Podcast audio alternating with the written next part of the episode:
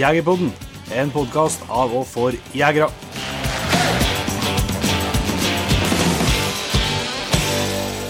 Ja, Hjertelig velkommen til en rykende fersk episode av Jegerpodden.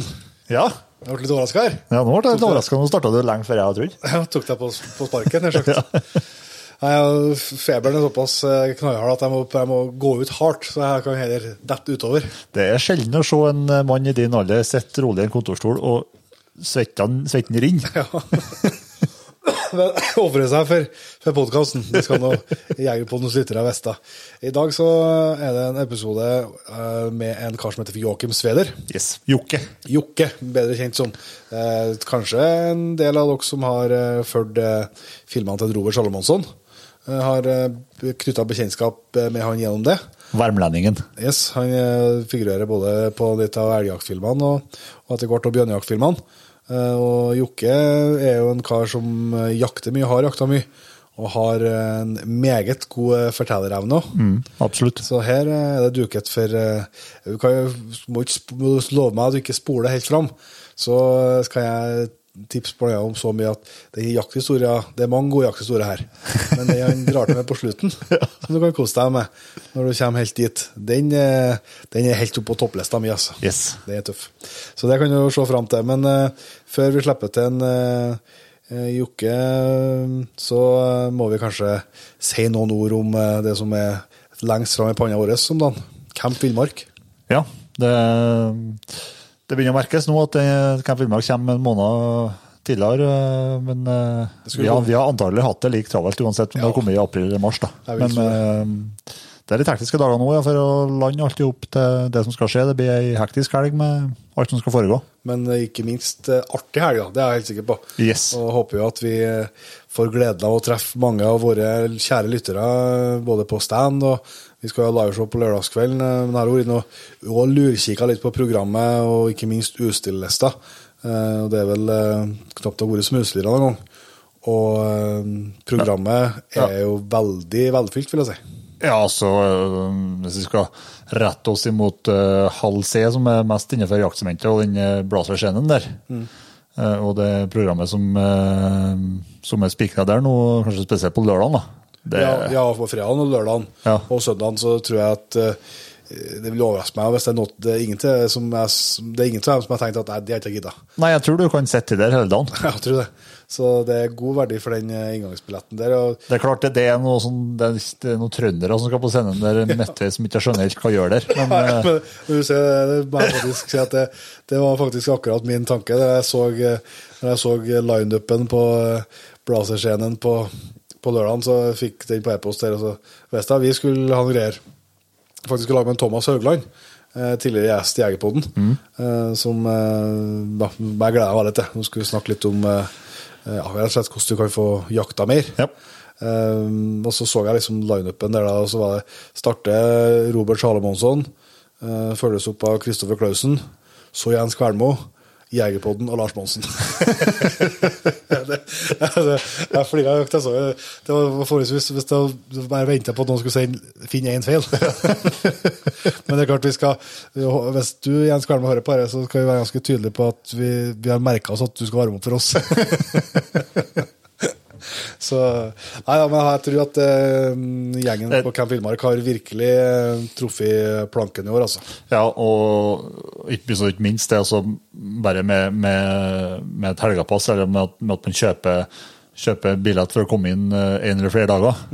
Hvor sinnssykt mye valuta for pengene du får bare med å være med på de foredragene. Ja, ja, ja. ja og så ble det jo såpass stort, faktisk, at eh, ja, vi har egentlig aldri fått gått rundt, da. Men Nei, det rekker ikke å Du rekker ikke det på én dag. Nei, det går ikke. Nei. Ikke hvis du har lyst til å se litt og prate med folk og Nei, jeg skal få med oss også, og, og den her, eh, den her blazerscenen som står i, i halv C, det er jo bare det er bare én scene. Ja, ja, ja. Så det, er just, foregår jo masse sånn, Svein og Joar skal jo stå og lage mat i lag. og Ja, og så det også tips om så jeg at eh, vår eh, friend of the pod, skal jeg si, og Radius Valle, Ja. han skal jo ha han skal jo ha sånn maratonsending. Ja. Det skal gå mer eller mindre hele dagen på en egen sånn podkast-scene han skal. Mm. Eh, der så han òg at der er jo flere av våre gjester som skal, eller tidligere gjester som skal være med. Jeg så noen Frei Dahl Klokke skulle være litt. Jeg så en uh, Tor Godtås. Ja, stemmer. og prate. Eh, han skal ha foredrag på noen andre scener, så det er vel all mulig grunn til å ta turen innom hvis du, har, hvis du er i nærheten, eller at du har muligheten til å, til å ta turen neste helg. eh, Så håper jeg i hvert fall vi treffes der, da. Yes. Og eh, få til et eh, billett til Jegerpodden live på lørdagskvelden. Da blir vi veldig glad. Ja, vi holder på å ha noenlunde Holder på å ha litt kontroll til det nå, eller? Nei. Nei. Men vi holder Ok. på, å skjønne hvordan vi kan få kontroll til så det og for å si det sånn, det lader vi for å dra på mer enn noen gang. Så mye kan vi si. Så mye kan vi si. Så det, det kan gå begge veiene, ja. Det jeg være åpen på. Men det kan bli, i beste fall kan det bli veldig artig. Det, kan, det er ikke sikkert vi står på stem på søndag. Nei, det er sikkert. Vi får være her noe mer. Så det, nei, men hvis, jeg tror vi bare gjør ikke noe mer avansert enn at vi setter over til en eh, Jokke. Er det han vi vil høre på? Og så har vi jo nevnt det før når vi har eh, gitt ut episodene fra svenskturneen vår, så at vi beklager på forhånd på svorsken. Og her, det topper seg i episoden her. Ja, det, det topper seg, og det hjelper ikke at en Jokke kan et eller annet ord på norsk òg. Nei, han prøver å snakke norsk. Ja, og vi- og vi- og vi prøver å snakke svensk. Gled dere. Ja, så beklager det. Da får vi ønske velkommen til Joakim Sveder i Jegerpodden. Ja, tackar, tackar. Og takk for at vi fikk lov til å komme her. da. Vi sitter jo i et eh, fantastisk jaktrom her med Det er jo eh, trofeer som vi har gitt høyrene våre for på alle kanter. Ja, det, det, är, det är mye skräp på väggarna. Så det må vi jo prate mer om, Jo- Joakim. Men eh, ser du Joakim eller Jokke? ja, det, är, det är bara mamma som säger Joakim. Alla andra säger Jocke. Da får vi prøve oss på Jokke, vi ja, gör det. Men eh, eh, for dem som ikke kjenner deg, Jokke, du må berette litt om deg sjøl. Ja, ehm, vad ska jag säga? Eh, 49-årig värmlänning. Eh, galen i jakt och fiske. Ja. Eh, alltid varit. Ända sedan jag var jätteliten. Ja. Eh, började med att skjuta mm, småfåglar på, på mammas fågelbord när jag var 6-7 år. Det var populært. Med luftgevär? Ja, nej det var inte, det var inte bara populärt. Eh, och sen, eh, ja, ja, så fort jag, så fort jag fick cykla till, till stan själv utan mamma och pappa så cyklade jag ner efter skolan och meta abborre och mört eh, ner i hamna och ja, så mycket jag kunde. Ja. Och, ja, alltid, alltid vore jätteintresserad av jakt och fiske. Men det var noen i familien som deg med på jakt, liksom, eller fant du ut det sjøl? Ja, eh, mamma och pappa jagade inte. Eh, men eh, jag hade moster, minns man, eh, de bodde på land och, och jagade. Ja. Så när jag vart 15, 16 där sen så fick jag följa med dem på uppsiktsjakt. Ja. Och, och eh, ja, stå med med hagelbössa då. Och, eh, så första vilt jag sköt, eh, det var klassiskt, så klassiskt det kan bli nästan. Det var en hare Ja. för en eh, Hamilton-stövare. Och sköt den efter en och en halv, två timmars jakt någonting Ja. På, på drev. Så ja, det var riktigt, riktigt roligt. Da var det var ingen vei tilbake. Nej, nej, det var ingen väg tillbaka och det var det nog inte innan det heller. Eh, första mopeden jag köpte när jag var 13 år, den, eh, det skulle vara roligt om någon unge kunde göra det idag, för då jag och min, jag och min kusin, vi sparade ihop till en varsin moped eh, med hjälp av gäddsaxer. Så vi satte ut saxer och som mest så hade vi 200 saxer. Och så hade vi, så hade vi spark och låda efter sparken och sköv dessa här, när vi var 11 år, 12 år, så sköv vi runt spark och låde på Meder på, på Sjöra, där borta i, i Västervärmland. Och eh, morsan körde dit mig på, eller farsan på fredag kväll och så upp tidigt på lördag morgon. Och så eh, satte vi ut 150-200 saxer. Och så vittjade vi dem och så sålde vi gädde till Frankrike. För det, Til Frankrike. Ja, Ja. det, det var väldigt stort. Jag vet inte om det finns idag, för det är inte något jag har, har tittat efter. Men då så fanns det uppköpare. Och en skulle lägga gäddra i lådor med granris. Jaha. Inget annat, inte ta ur ingenting. Så det var väldigt bekvämt så. Ja. Och så körde en dit och så jag för mig fick 25 kronor kilo. Och nu pratar vi ju mitten på 80-talet. Så det var ju jäkligt bra betalt då. Ja. Så jag vet på, på en vinter så, så sålde vi gädde för en 6-7 tusen kronor. Så vi köpte oss en varsin moped sen för en 3 tusen. Svart Dakota köpte jag. Så, så eh, ja, jag tror inte jag skulle få ut med 11-åringar idag på att sätta 200 saxer i mörkret ensam. Det är inte säkert att de har fått lov heller om de ville. Nej, det är väl inte ens lagligt med saxer längre Nej, jag, jag, Sverige. jag, har sagt, jag har sagt en ting, jag tänkte också, det har virket som det har skett någonting i, i, samhället också. Ja, alltså ja. Att, eh, nu har de snart fått barnevernet på besök hvis det har skickat ut 11-åringar en hel helg på Ja, mörker med ja. Nej, men så, så började det. Och, och, så väldigt mycket fisking och sen mer och mer jaging eh, ju mer en fick. Då. När, Men som sagt uppsiktsjakt och, och var med på det. Och, och sen ja, direkt jag vart 18 så hade jag tagit jägarexamen. Det gjorde jag redan tidigare, långt tidigare. Och köpte första, första stussaren, en, en gammal Bernaux var det, kommer jag ihåg. Eh, jag tror jag gav 2000 kronor för studsare och kikarsikte.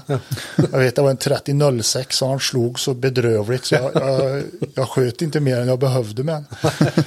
Eh, men, eh, men det var ju roligt. Det var ju rådjursexplosionen på den tiden också. Ja. Så det var ju väldigt, väldigt mycket rådjur. Så vi var ute jämt och jobbade skift. Så jag vet jag bytte till mig, jag jobbade på Arvika gjuteri på den tiden och bytte till mig nattskift. Så ofta jag kunde, sen kunde jobba natt och jaga hela morgonen och sen hem och sova och sen jobba och jaga och så och hålla på så. Så det var roligt. Men eh, den eh, altså, jaktinteressen men det, var, det var både jakt og fiske i, i ungdommen. men eh, og, Nå kjenner jeg deg som en, som en ren jeger, men du er fortsatt veldig interessert i fiske òg. Og bor eh, med venneren som eh, Ja, nærmeste nabo. Ja, ja jag, tycker det, det, jag tycker det är jätteroligt att fiska. Och uh, ute med på Vänern och, och kört trolling. Och, och uh, ja, det får jag väl inte säga högt, men jag har faktiskt ett par nätarrenden och jag är med i yrkesfiskarförening här på, uh, på Hammarö. Så det är jag och 15-20 gubbar, alla andra är över 70 år, så de kallar mig för pöjken. Fast jag snart är 50. Eh, Så lägger lite nät då ibland på våren när det Ja, för, för att kunna äta med fisk då. För husbehov bara. Så, men framförallt spöfiske då. Eh, både abborre, gös, eh, lax kör efter det. Eh, uppväxt på Sömrura på västkusten nedanför Strömstad. Så fiskade med med pappa när jag var liten där och åkte ut Kosterfjorden. Eh, Körde med där med makrill och med, på den tiden fanns det med torsk också. Ja. Ganska långt in. Idag behöver du ju flera mil ut för att få torsk där nere på svenska vattnet. Men, men då fanns det med torsk. Så då åkte den ut och fiskade och sålde i hamnen sen ibland. Och, och höll på. Så det, nej, fiske har alltid varit, och jag har svårt att ge mig så länge det nappar. Det är väl baksidan då. Det är väl därför barnen har varit trötta på mig kanske. Jag dödade fiskeintresse hos dem. För jag, jag kunde inte ge mig så länge det nappade, även om de var nöjda. Jaktåret nå, da.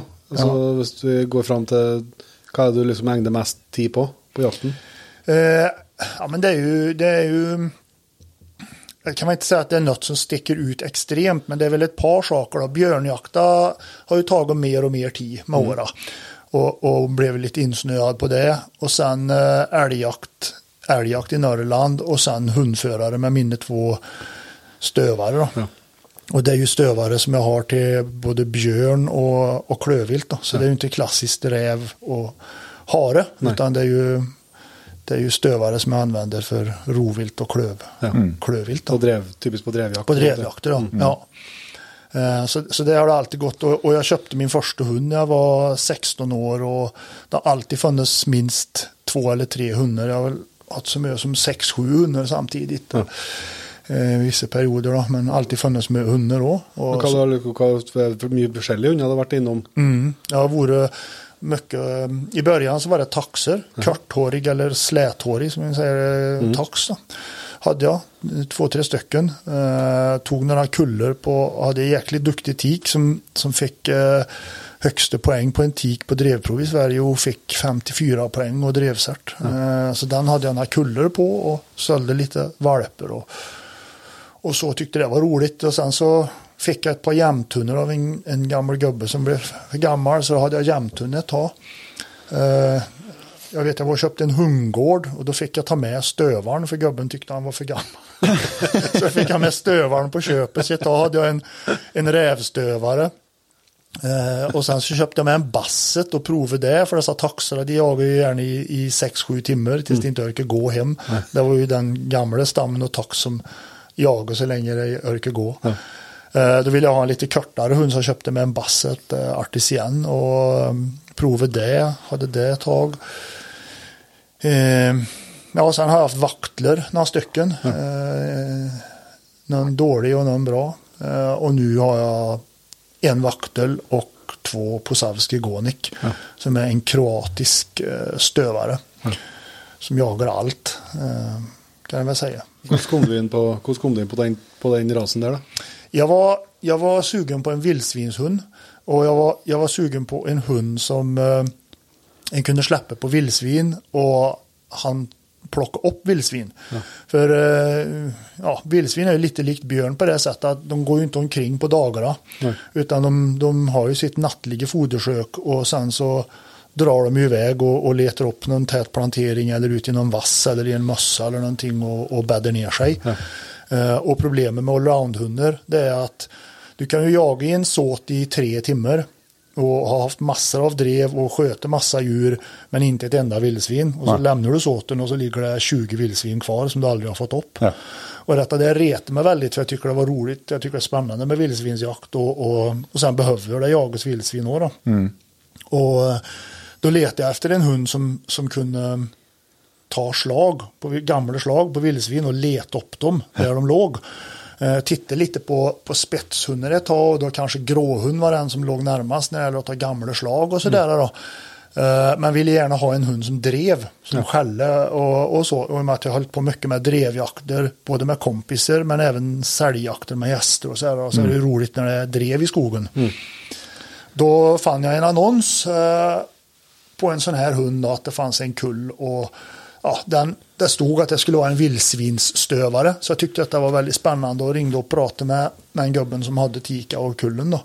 Men det, det var svensk uppfödare? Det var Eller? en svensk uppfödare, ja, det var det. Han, var, han, han hade köpt sin i Sverige men ho, Tika var parad med en hane från eh, Bosnien tror jag. Ja. Och ja, var och hämtade den, hälsade på dem och tyckte det var väldigt trevligt lynne och så på hundarna. Så jag tänkte jag provar en sån. Eh, och ja, jag kan väl säga att de föds inte som rena vildsvinshundar. Det, det, det kan jag säga. Det har varit, det har varit många mil av rådjursdrev och en vansinnig Jocke som har kommit på sladd och kastat sig över hund och fångat hund och skällt och bråkat och hållit på. Men till slut så, eh, jag har ju två nu då. Och den ena, jag ska inte säga att jag gav upp med Sebbe, för jag insåg att jag behöver en allroundhund också. Så jag lät Sebbe jaga allt. Ja. Och jag, ja, som ni kanske har förstått på mig så tycker jag det är jävligt kul att jaga och skjuta och komma hem med ett byte då. Så, nej. Så, så, så jag är ingen sån som det ska gå tre timmar innan det smäller utan jag skjuter haren på första bukten med mig och jagar hararna. Och så är det lite med allt jag jagar då. Så jag tyckte det var ganska kul att ha en hund som plockar upp allting. Ja. Ena dagen sköt den en älgkalv på ståndskall och nästa dag så sköt den en kronhjort på fullt drev. Och, Så Sebbe släppte jag på detta där med drömmen om en, en ren vis, vildsvinshund. Ja. Men Ossi har jag lyckats med. Så, så eh, han är fyra nu då och vi bråkar en del. Första året var han faktiskt ganska så vildsvinssäker. Eh, Men så råkade han ut för i, i jobbig skada. Eh, Han hade ståndskall på en gris som han jobbade med. Och av en ren tur, för det hade varit, han hade jagat den här ett par timmar, så det hade varit ut en lång tur. Och, men som tur tillbaka, kom han tillbaka och jag var bara kanske 300 meter ifrån. Så skrek hon rätt ut, bara gallskrek. Jag var helt säker på att han blev tagen av en varg. Eh, och han slutade liksom inte att skrika utan han vrålade och vrålade och så tystnade han så jag förstod att det inte är grisen som har sprungit på honom. Sprang dit och hon står liksom på framtassarna med, med rumpa upp i väder över i törrgran och piper. Och jag går dit och han viftar i svansen när jag kommer fram. Så jag tänkte, vad fan håller du på med? Och ja, han vill inte röra sig och då lägger jag mig och tittar under och ser att precis eh, där rebenen slutar så går det in en kvist Å, faen. och eh, en törrkvist. Och jag lyckades få av den där med kniven till slut för han var så hård. Han var som ett lillfinger ungefär i tjocklek. Och Fick bort hund och hund bara står som en träbock och vill inte röra sig. Och jag prövar att bära den till bil och jag får inte ta in. Han, han mörrar inte eller något, men han bara piper liksom och märker att det gör jävligt ont då. Så eh, till slut så tar jag beslutet att eh, jag får försöka dra ut den här pinnen för det stack ut fem centimeter. Då. Så jag lägger mig under hund och tänker ja det får bära eller brista. Så jag håller emot med andra handen och så drar jag sakta ut och det bara kommer mer och mer och mer och mer och mer pinne. Så drar jag ut 40 centimeter pinne ur, ur buken på hund. Så um, vi for till veterinär, nu berättar jag en lång utläggning för att klippa bort det som behövs. Men i alla fall, och uh, han hade klarat alla organen. Pinnen hade gått in och gått mellan liksom skinnet och, och inte stöcka hål på några tarmar. Helt ända bak i bäckenet, precis missa urinblåsa och stanna i bäckenbenet. Så han hängde liksom upphängd på en pinne i bäckenbenet. Hund. Uh, och detta här kopplade han ihop med gris. Ja. Han trodde det var grisen som hade gjort den detta. Så han slutade jaga gris. Och hela nästa säsong så ville han bara, då provade han på rådjur och älg och, och allting. Eh, Men sen nu i år så, så var han tillbaka. Ja. Så nu kan han släppa på en åtel och så tre, fyra timmar gamla spör och så jobbar han sig ut och så kan han löfta grisarna två kilometer bort. Så, så nu har jag en sån hund som jag drömde om att ha då. Och så har jag en som jagar allt från ekorre till älg. Och det är Sebbe. Så han, eh, han eh, också där, han, han prioriterar vildsvin. Ja, Ja. nu gör han det. Sista jakten nu vi jagade, då, då gick jag bakom en. Och då, då det sig älgkvige 30-40 meter ifrån. Då stannade han och så tittade han på älgkviga och sen satte han näsa i backen och så gick han vidare och, och 300 meter bort får han in i, i, i rotvälte och, och löfte en galt. Som en, Han drev ut en passkytt. Då. då har vi ändå sköt 8-10 älgar för honom. Men, men han, har nog, han har nog jagat älg brist på mod att jaga gris. Så nu är han liksom tillbaka på gris igen då. Det han egentligen vill vara. Han, ja, för han vill gärna ha vilt som, som eh, ger motstånd. Ja. Och, och det kan vi ju komma in på sen med björnjakt då, då men det var ju en, en succé. Ja. Då, då. Ja, men du det. Så- så att du fick testa. Det var första gången nu, eller förra hösten att du testade den på björn. Ja, Ja. det var det. Så har jag haft dessa med upp och haft dem i hundkåpa och eh, på björnjakt i flera år. Och så, så sa kompisen Robert, ja, men vad fan, vi testar dem på björn. Och eh, då eh, hade vi en synobs som var ganska färsk, så jag var in första gången på en timmes gammal synobs och släppte på bägge två. Och de jagade som idioter och for iväg och det var gångstånd. Och det gick i gångstånd i två och en halv timme och så ropade en passkytt. Jag, jag var helt säker på att det hade bytt till älg. Ja. För jag tänkte det kan inte vara att de jagar björn så första gången de, de släpps på björn. och då ropade en passkytt. Helvete de kommer över myra här nu. Mätt över blankmyra. Bägge hundarna är som bålgetingar på en stor jävla björn.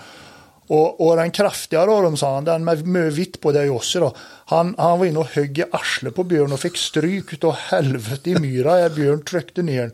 Men han reste på sig efter ett par minuter och han är i kapp igen nu och, och jagar igen. Så han jagade en och en halv timme efter, efter den omgången han fick då Björn där då. Och tyvärr sköt vi aldrig då, men det gjorde vi ju sen då.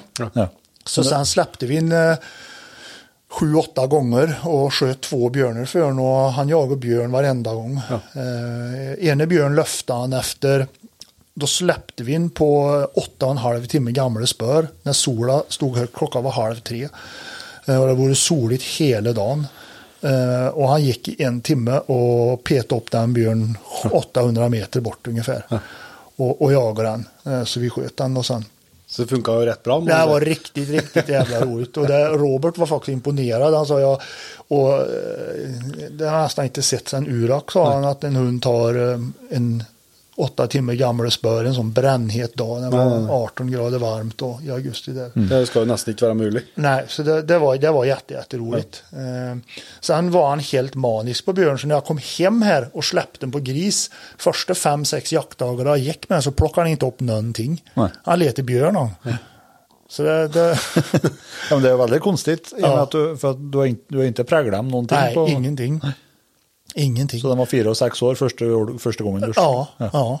Sebbe provade jag sen att släppa också på, på uh, hyfsat färska spår. Då. Och han gick ut och gick i kapp själv och tog upp björn. Men han jagade dem bara i 20 minuter så släppte han. Ja. Uh, och det är så han jagade här hemma också. Jag har ja. bröt honom så otroligt många gånger på drev. Ja. Jag kan bryta bägge två med Garmin Alfan då. Ja. Och, och Sebbe har jag som en som en såthund på drevjakterna och bryter den så i stort sett så fort det har passerat ut, utanför skyttarna och, och, är på väg bort så bryter han då. Ja. Så, så det, är väl, det är väl jag som har format om honom då. Ja. Uh, men ensam jag oss i många timmar björn och, och eh, Sebbe i lag med oss jag också mm. i flera timmar. Ja. Så, alltså det, var, det var kul. Det var faktiskt höstens höjdpunkt för mig. Um, ja. um, vara med in på Ståndskall och, och skjuta björn för, för oss. Då. Ja, klart det. Vi kan jo, vi kan kanskje nevne noe til noen som har kjent igjen stemmen din, Jokke. Så er det jo du som er eh, värmlänningen som är med på filmen till Robert. På, ja, just det. Ja. ja. Och så, må, gör du de där filmerna själv då? Mm. Robert. Ja, jo, men det blev några stycken nu. Det var Robert som väckte filmintresse. Eller jag hade egentligen, jag hade massa gamla VHS-kassetter sedan tidigare år när jag hade filmer lite för att visa kompisar hem i soffan och bara kul att ha så. Men det var väl Robert som som sa vad fan du, du måste göra, göra det mer riktigt ja. och så kan vi lägga ut det på kanalen. Så det var roligt, så det har jag lärt mig mycket om filmningar utav han. Då. Mm.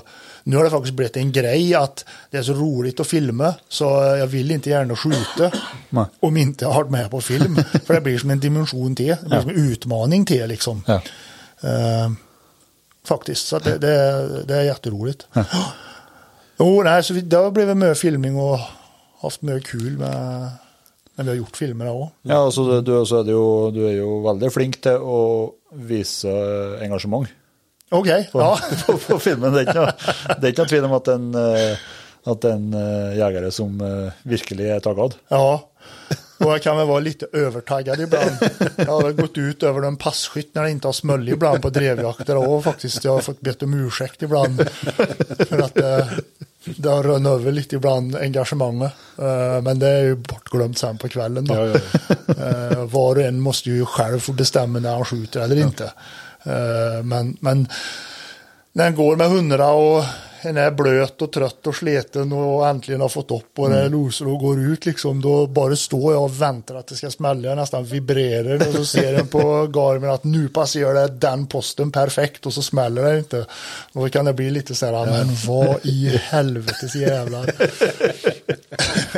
men det, det, det, får de ta. Jo, men så är det i alla fall för oss som kollar på filmen så det, jag syns i alla fall är väldigt stor skillnad på att se film ja, när det är sån som du som både du, alltså folk må ju vara sig själv, så ja. må men alltså när du, du ser liksom engagemanget, att det, det betyder någonting. Ja. Att det, det inte bara är sån, ja det var klart, mm. hem, det, så, men att det faktiskt det är det är lite drag och det, är det, ja. det är ju den känslan du känner igen ja. själv. Det är därför ja. vi håller på med. Ja. Det är ju den här... Eh, ja, men det, det är roligt att det går igenom för ja. det är så jag känner. Ja. Alltså jag, är, jag är fortfarande på mitt första jaktår liksom, fast jag har hållit på i 30-35 år.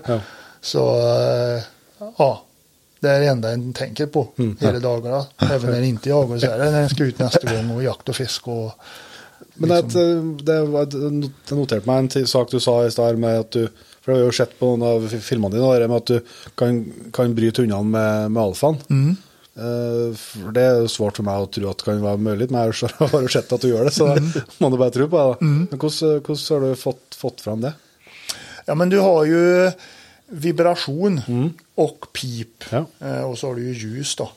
Och det är ju till, det är ju till att jobba med, med pipljudet mm. framför allt då. Men även vibration. Och sen så kan du släppa iväg du kan släppa iväg hund och ha ett rep. Eh, då förknippar han det piper med att eh, när piper kommer så ska, så ska det stoppas. Annars så blir det inget bra. Nej. Nej.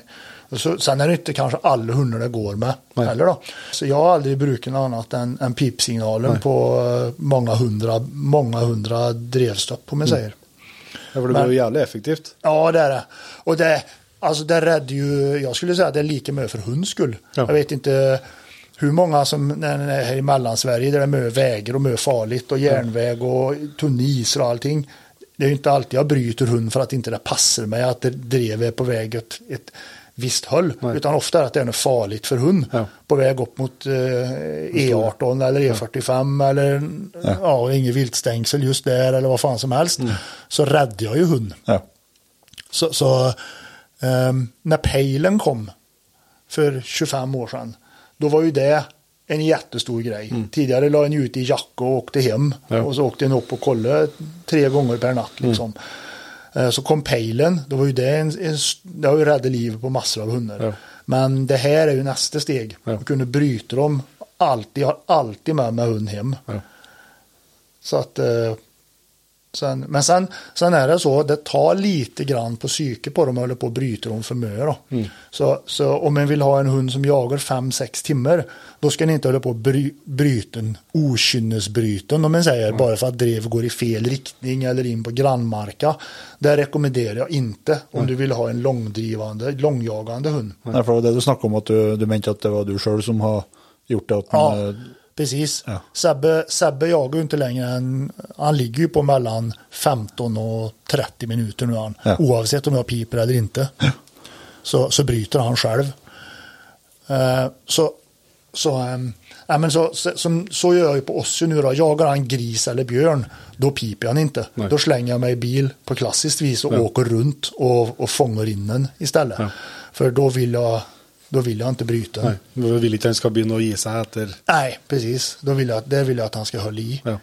Nej, men, men det, har, det, har funkat, det har funkat jäkligt bra. ja. Du snakka om drevjaktene. eh, du, du, eh, ja, du, du er med som hundførere på en del andre sine jakter men, men dem du arrangerer sjøl, hvordan, eh, ser en sånn drevjakt ut hos deg?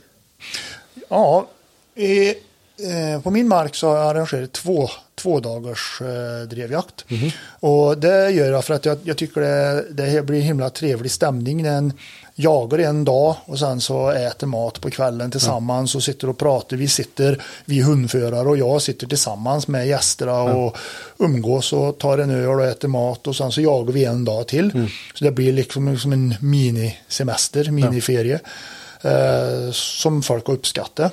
Eh, så det, då har vi kört två dagar så att du kommer ner på kvällen och sen jagar vi dag ett och så är det en kväll till och så jagar vi dag två och så åker folk hem.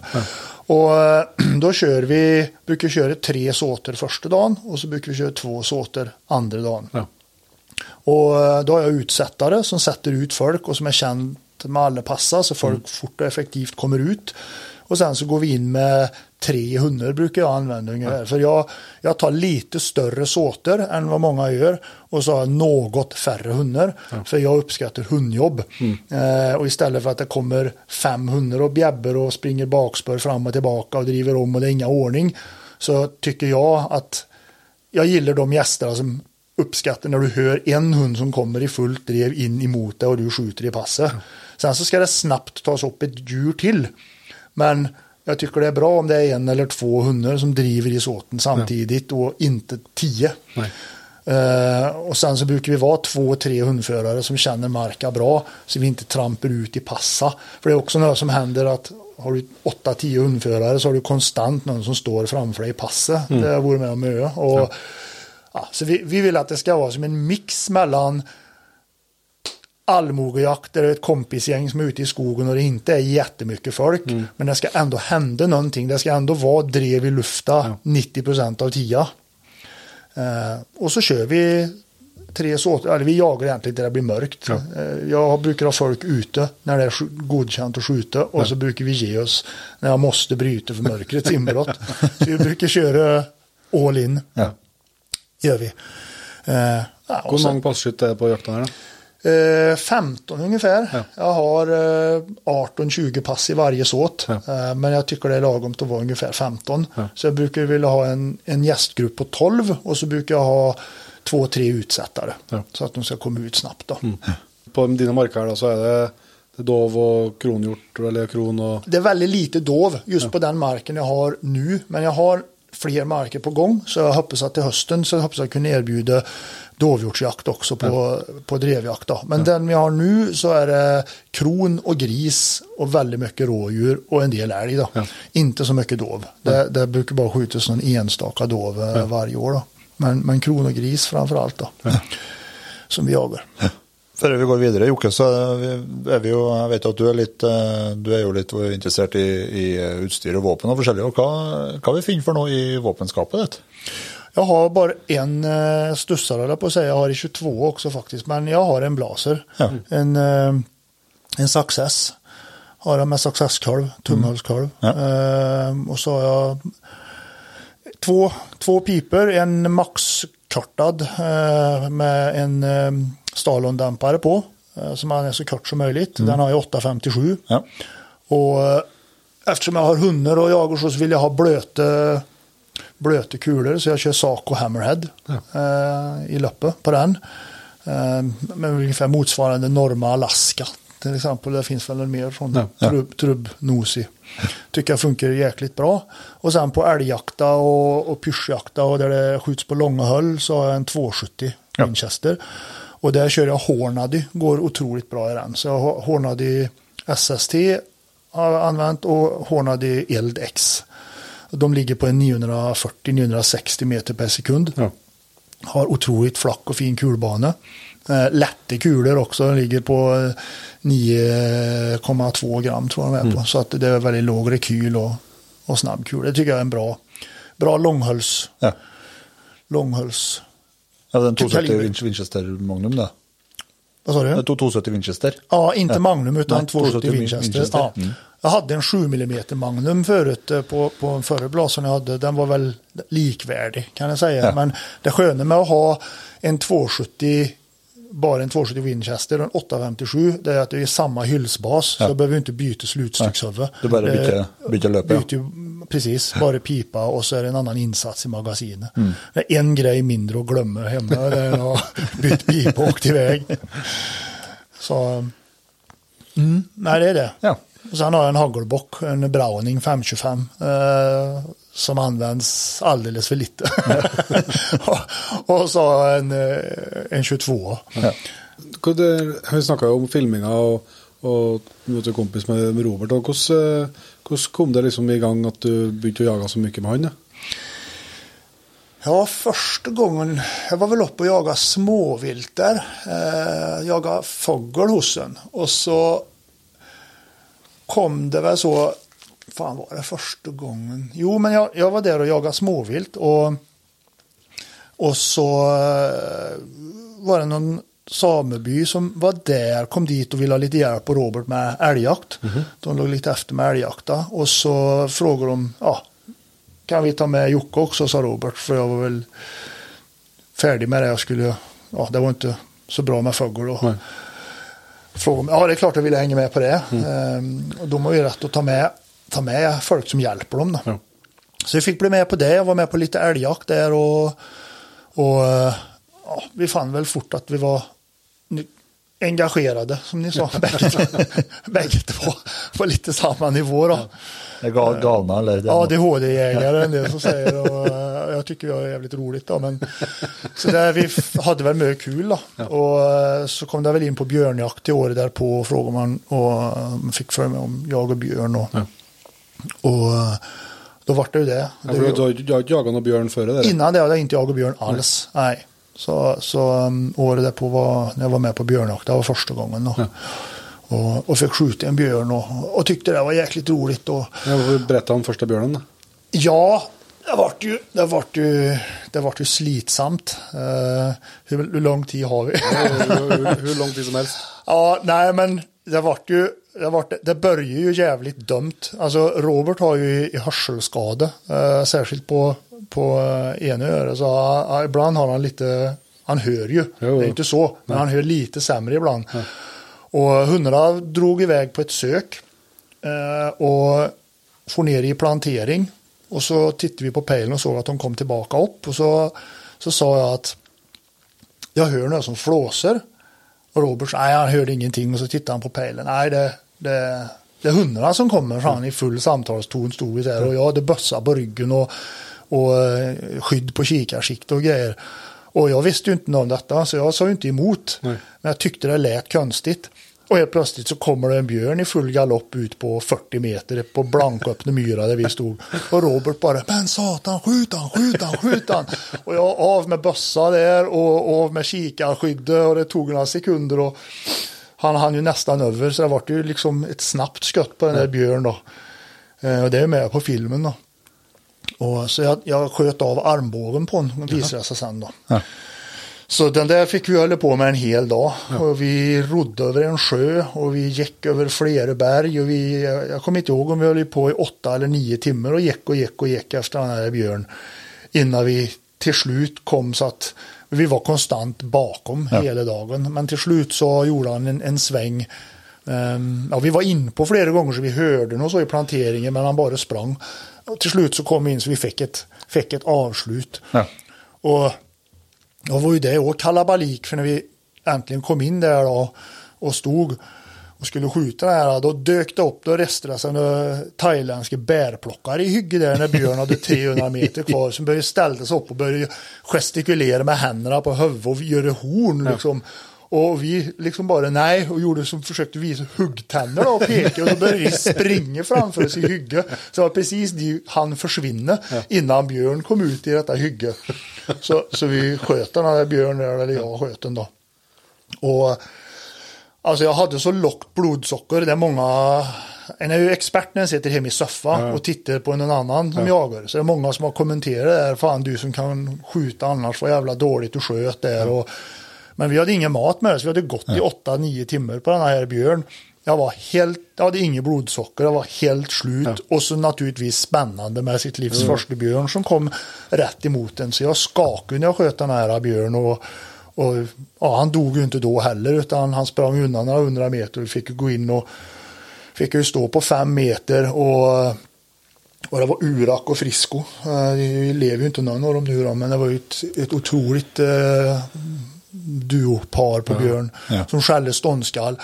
Och eh, jag vet Robert höll i, i stort sett i nacken på mig och sköv mig in på fem meter och hundarna stod en meter ifrån Björn och skällde och skällde och skällde. Och så sa Robert till mig, nu kallar jag in hundarna. Då kommer hundarna att komma först och sen kommer Björn och kommer och då ser det till att skjuta och, och ungefär så blev det. Och eh, ja, fa- faktum är att Björn kom faktiskt in och hundarna var så nära så jag kom inte för att skjuta. Så jag stötte till Björn med pipa först en gång så han stannade upp innan jag sköt den. Men det klöpte vi bort för det såg så förbannat dumt ut.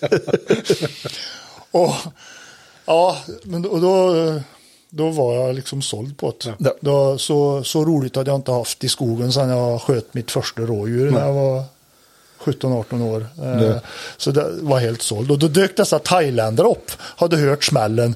Så alla fick ställa upp på den här bilden i tur och ordning med min bössa och posera. Vi lånade deras biltelefoner och de skulle ha en bild på sig själva när de stod med foten på den här björn. Vi sa det, undrar vad de säger om dessa bilderna när de kommer hem till Thailand och visar upp dessa där.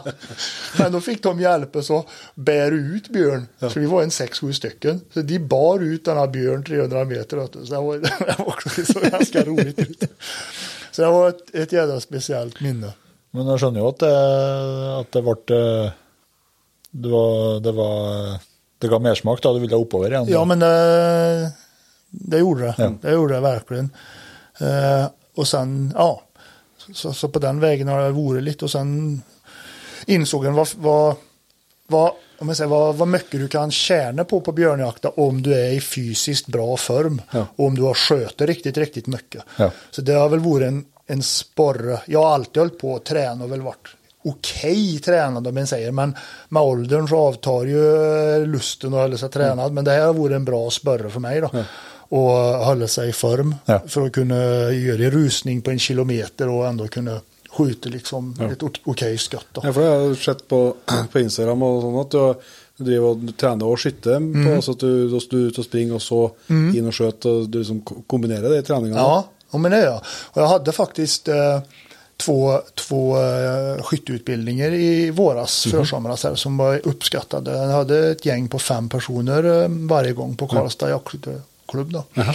Som fick prova på det här. Vi började lugnt och fint och, och jag lärde ut uh, skytte på stillastående och löpande mål då. Eh, på ett sätt som jag skjuter då. Eh, jag håller inte still när jag siktar utan jag går alltid in i målen när jag trycker av.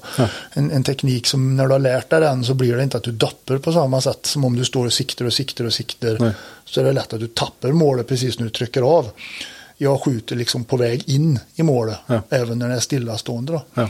Alltså du drar, du drar hela, du har alltid bevegelse i. Ja, precis. Jag drar uppåt, gör om det står still. Och är det löpande så börjar jag bakifrån och kommer i en båge underifrån framåt och jagar i kapp liksom. Ja.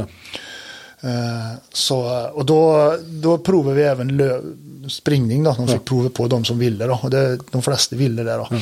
Då springer vi med öppet slutstycke så har jag slingor på parkering där så du kan springa 400 eller 800 eller 1200 meter så fort du kan och sen kommer du ner på banvallen och den banan är besiktigad och godkänd för dynamiskt skytte också. Så du måste inte stå inne i kuren och skjuta. Nej. Utan du får gå fram på banvallen och skjuta så länge du har en skjutledare som, som mig då, som har rätt utbildning för det här och får göra det. Då.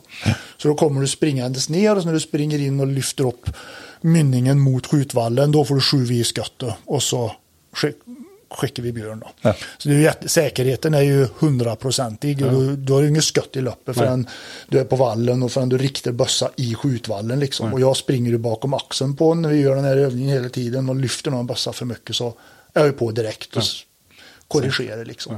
Men det är ju kul, det är ju spännande. Och svetten rinner och du ska ha Garmin i ena handen och Garmin i för, vid förstocken på bössa. Samtidigt som du har hög puls då. Ja. För det är ju så det funkar i verkligheten. Ja, det blir veldig, det blir Ja. veldig som verkligheten er der. da. Ja, och jag vill bara klargöra att du kan skjuta hur mycket björn som helst utan att göra detta. Jo. Du kan stå i lugn och ro på ett pass och få en björn på dig. Så det är inte något som är nödvändigt på något vis. Men för den som vill skaffa sig de få fördelar som går att ha så är det ju kul då. Ja, ja. Ja, och så är det ju, och så kan det ju bli att det blir lite roligare och, och faktiskt springa någon hundmeter liksom. Alltså att du har lite mer motivation för att Definitivt. Ja, för att det är ju som du säger, det är ju en situation, i alla fall för den som jagar med löshund, så är det ju en situation du känner igen i. Ja. Att nu, du skjønner at nå må jeg dit. Ja. Og så eh, må du bare springe det du klarer, og så får du jo se hvordan det går. Ja. Men det er jo det er klart at du får noen mer fordeler. Ja, jo, och, och det var väl lite det som, som Robert eh, och jag tyckte var roligt med varandra år, att det var väl första gången en fann någon som faktiskt inte var 200 meter bakom när väl kom, kom in på Ja, gångstånd, ja. utan vi var jämsides då. Ja. Så det var ju kul då. Ja. Ja, og så blir det jo mye springing òg når, det- når det losen går og man ikke man, Du får ikke bruke verken bil eller noen ting på, på noen jakt. Nej, Så det er klart, da blir det mye løping. ja, så är det. Och ja, en är ju nöjd med sig själv när en kommer in och får, får ta ett skott som en inte hade fått ta, men inte hade Lagt ned jobben. lagt ner jobbet under sommaren. Då. Så är det ju. Klart det. Mm. Du snakka om eh, den her eh, elgjakten. eh, Du har, du har jaga elg hele livet, eller? Mm. Eller altså, så Ja, begynte å jo, jage. men det kan jag säga. Det har jag gjort. Ja. Men den eh, det henger jo noen eh, virkelig grove elgokser her òg. Ikke, ikke klassiske värmländska elger, kanskje. Nei. Nej, Nej det, det, det hängde sådana här då först faktiskt, men, men eh, de har blivit nerpetade. Så eh, det blir liksom som en, eh, vad ska jag säga, du, du, du måste kvala dig in. så så eh, ja, Men det, det är lite fullt på väggarna, så ska du in så måste du, då måste du peta ner någon annan. ja. Men det der lokkjakten, var det etter du kom opp dit at eh, når du begynte med lokkjakten? Ja, det, det är ju, det är ju eh, lapparna som har lärt mig det Ja. kan jag säga då. Eh, Så jag jagar med, med dem och de, många av dem har ju varit riktigt duktiga Robert var också duktig då, men, men både jag och han har väl egentligen lärt oss av lapparna då. Ja. Mm. Så, så, och blev jag jävligt bra kompis med många av dem och jagade med dem och, och, och lärt sig den här spaningsjakten och lockjakten. Då. Det er ganske stor forskjell på den elgjakten og den jakten du bedriver her, kontra den fjelljakten som du er med på Ja. i lag med. Jo, men det är det ju. Det är ju, det är ju strapats där uppe och jag gillar ju det när den går ut på morgonen och, och inte vet om den går i pannlampans sken hem eller om en kommer hem innan det har blivit mörkt. Ja, ja. Ehm, och, och sen de, de natur, naturen där uppe och få, få jaga i fjällmiljö, det är ju fantastiskt. Alltså det är ju det är ju definitivt en av årets höjdpunkter att, att få vara med på det. Det, det är ju en frihetskänsla. det är en otrolig frihetskänsla. Ja, det är det.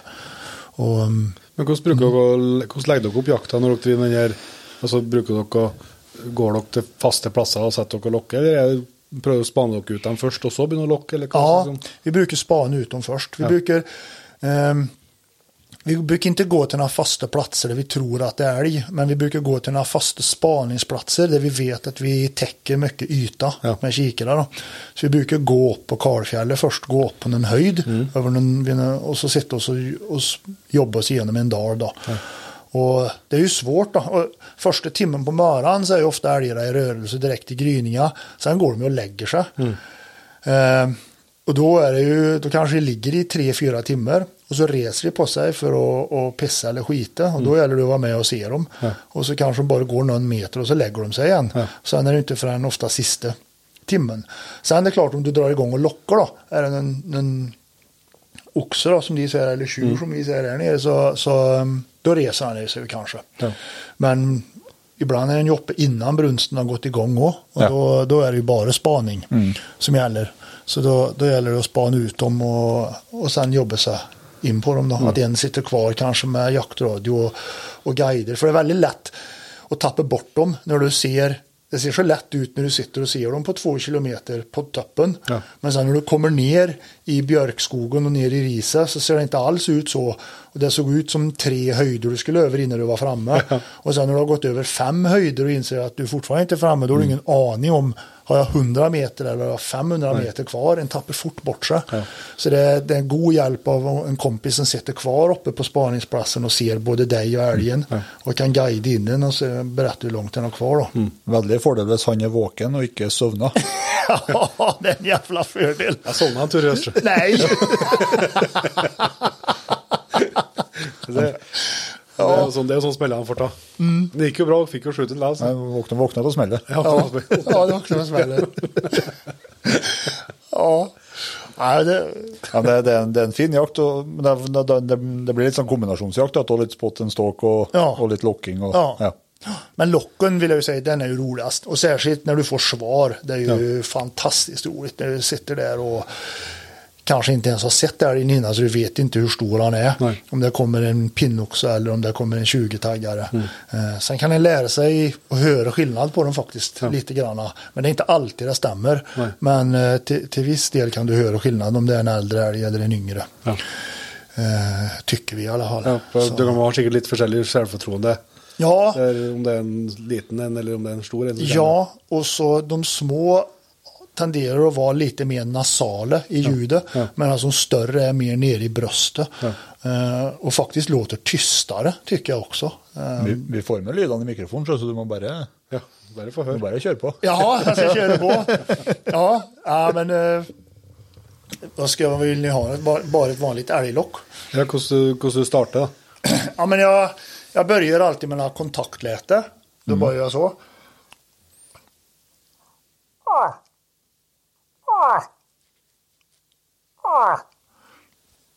Gör det utslag? Det ble bra. Och sen så, sen så um, har du ju kons brunnsläte som är mer utdraget då. Och då brukar jag köra något kontaktläte och sen så lägger du på ett brunnsläte då. Och då kan det låta så.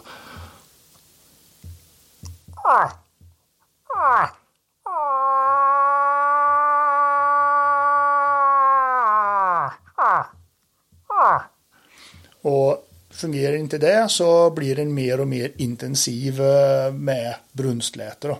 Och särskilt om det är om du ser att det är en tjur som går i lag med en ko som redan har en dejt, då är de ju svåra att, att få. Då. Är det en ko som har haft kalv så kan du locka som kalv då.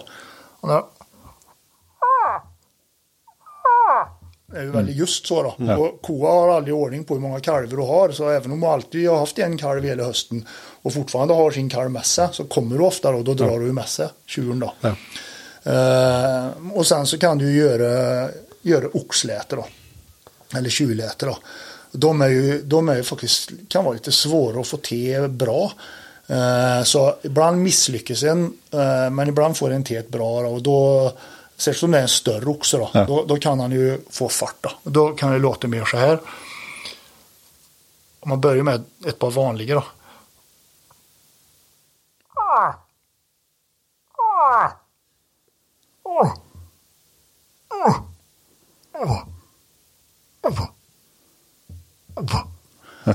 Det, det, var en, gammal oxe då.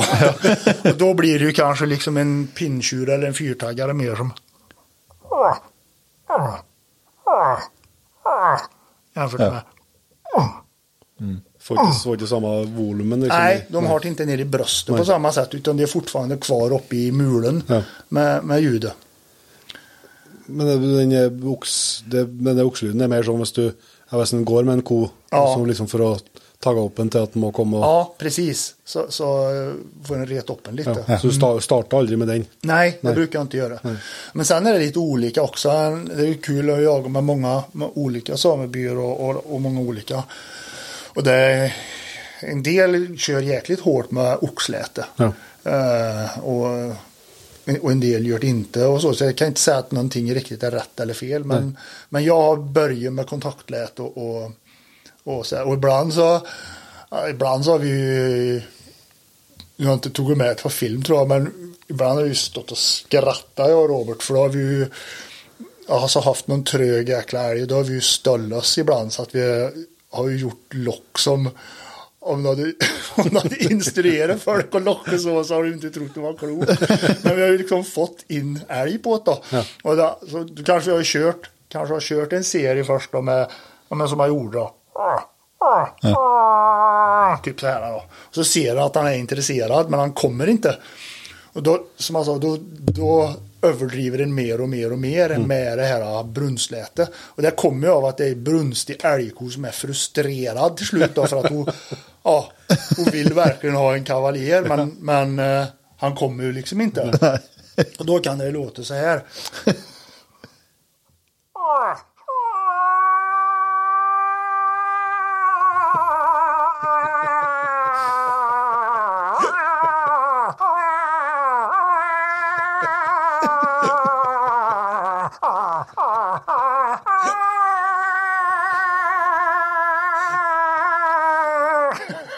Och, Alltså, sen, sånt och sen kommer de. Sånt, ja, sen, då kommer de.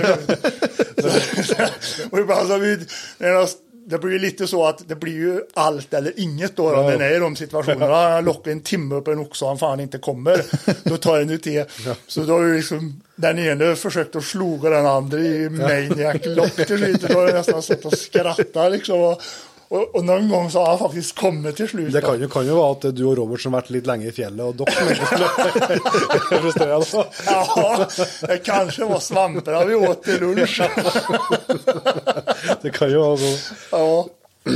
Men det, men det jag har inte det med är det, men alltså, har du hört kont älgen sin kontaktlyd, har du hört oxen som kommer och liksom gryntar och sånt, men har du aldrig hört det brunstropet från älg? Jo, Jag har aldrig gjort det. Mm. Jag, jag satt på pass. Eh, Jag hörde väldigt tydligt en gång. Jag satt på ett pass, pa- faktiskt som passkytt. Eh, Det var länge sedan. Så det var innan jag- var iväg på sån här jakt. Och eh, det var en sån här härlig morgon när det var liksom en minus och lite dimma. Det var som ett lock så alla ljud hördes görväl. Och då hörde jag i dalen framför mig, där hundförare hade gått in, att då hörde jag så.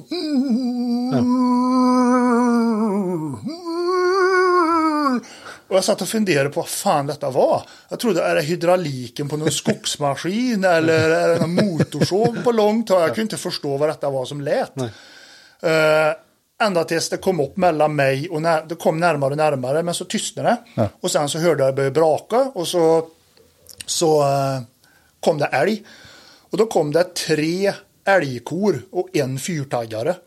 Och dessa tre älgkor hade var jämt runt denna fyrtaggaren och öra bakåt och, där, och den ena hade raggen uppe. Så då var det alltså kamp om denna fyrtaggaren.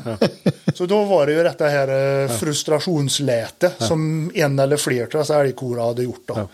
Så då, då, men, men det är enda gången jag har hört det sådär riktigt, riktigt ordentligt. Ja, det, det virker ju lite som det är med oss folk. Att det oftare hører brunstropene til karer enn til kvinnfolk. Det er jo det.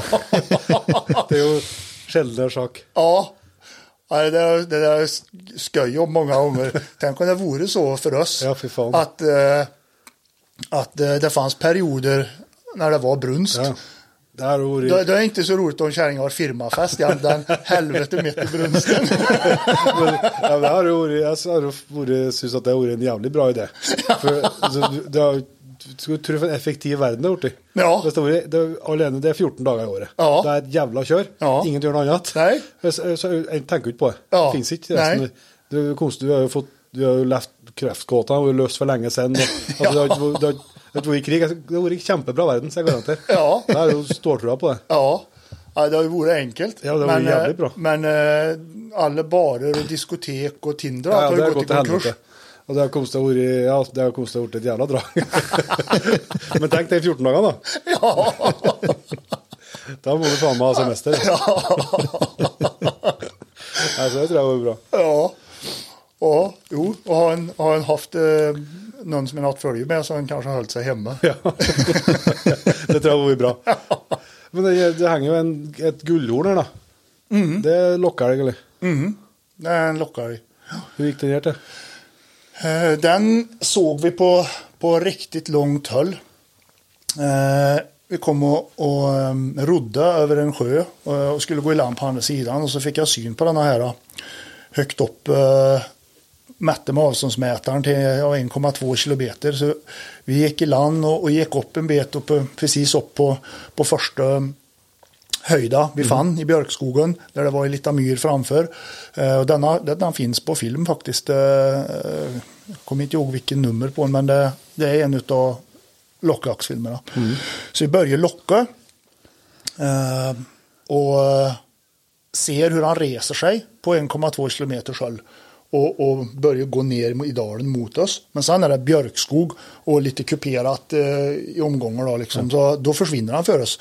Så vi vet inte om den sen på ungefär 20 minuter eh, förrän vi hör att han svarar då, 300 meter bort på andra sidan myra. Fan, det ska Ja, det det, var ja, det var riktigt, riktigt spännande. Och vi hade sett på 1,2 kilometer att det var skavlor på, men inte hur stor han var. Nej, nej. Men När när du ser ser- på över en kilometer att det är liksom på sidan om huvudet, då vet jag att då är det spännande. Ja.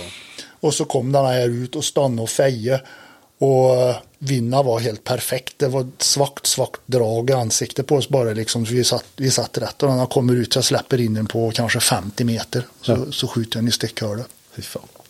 Det var häftigt. Ja. Det var riktigt häftigt. Har du sett den, den filmen då? För då, då det, de lurar sen där. Ja, eh, precis. Då, då kommer ju han som vi var med då och, så här, och eh, kommer ju Jonne och så säger han att eh, det kommer en till, det kommer en till, säger han.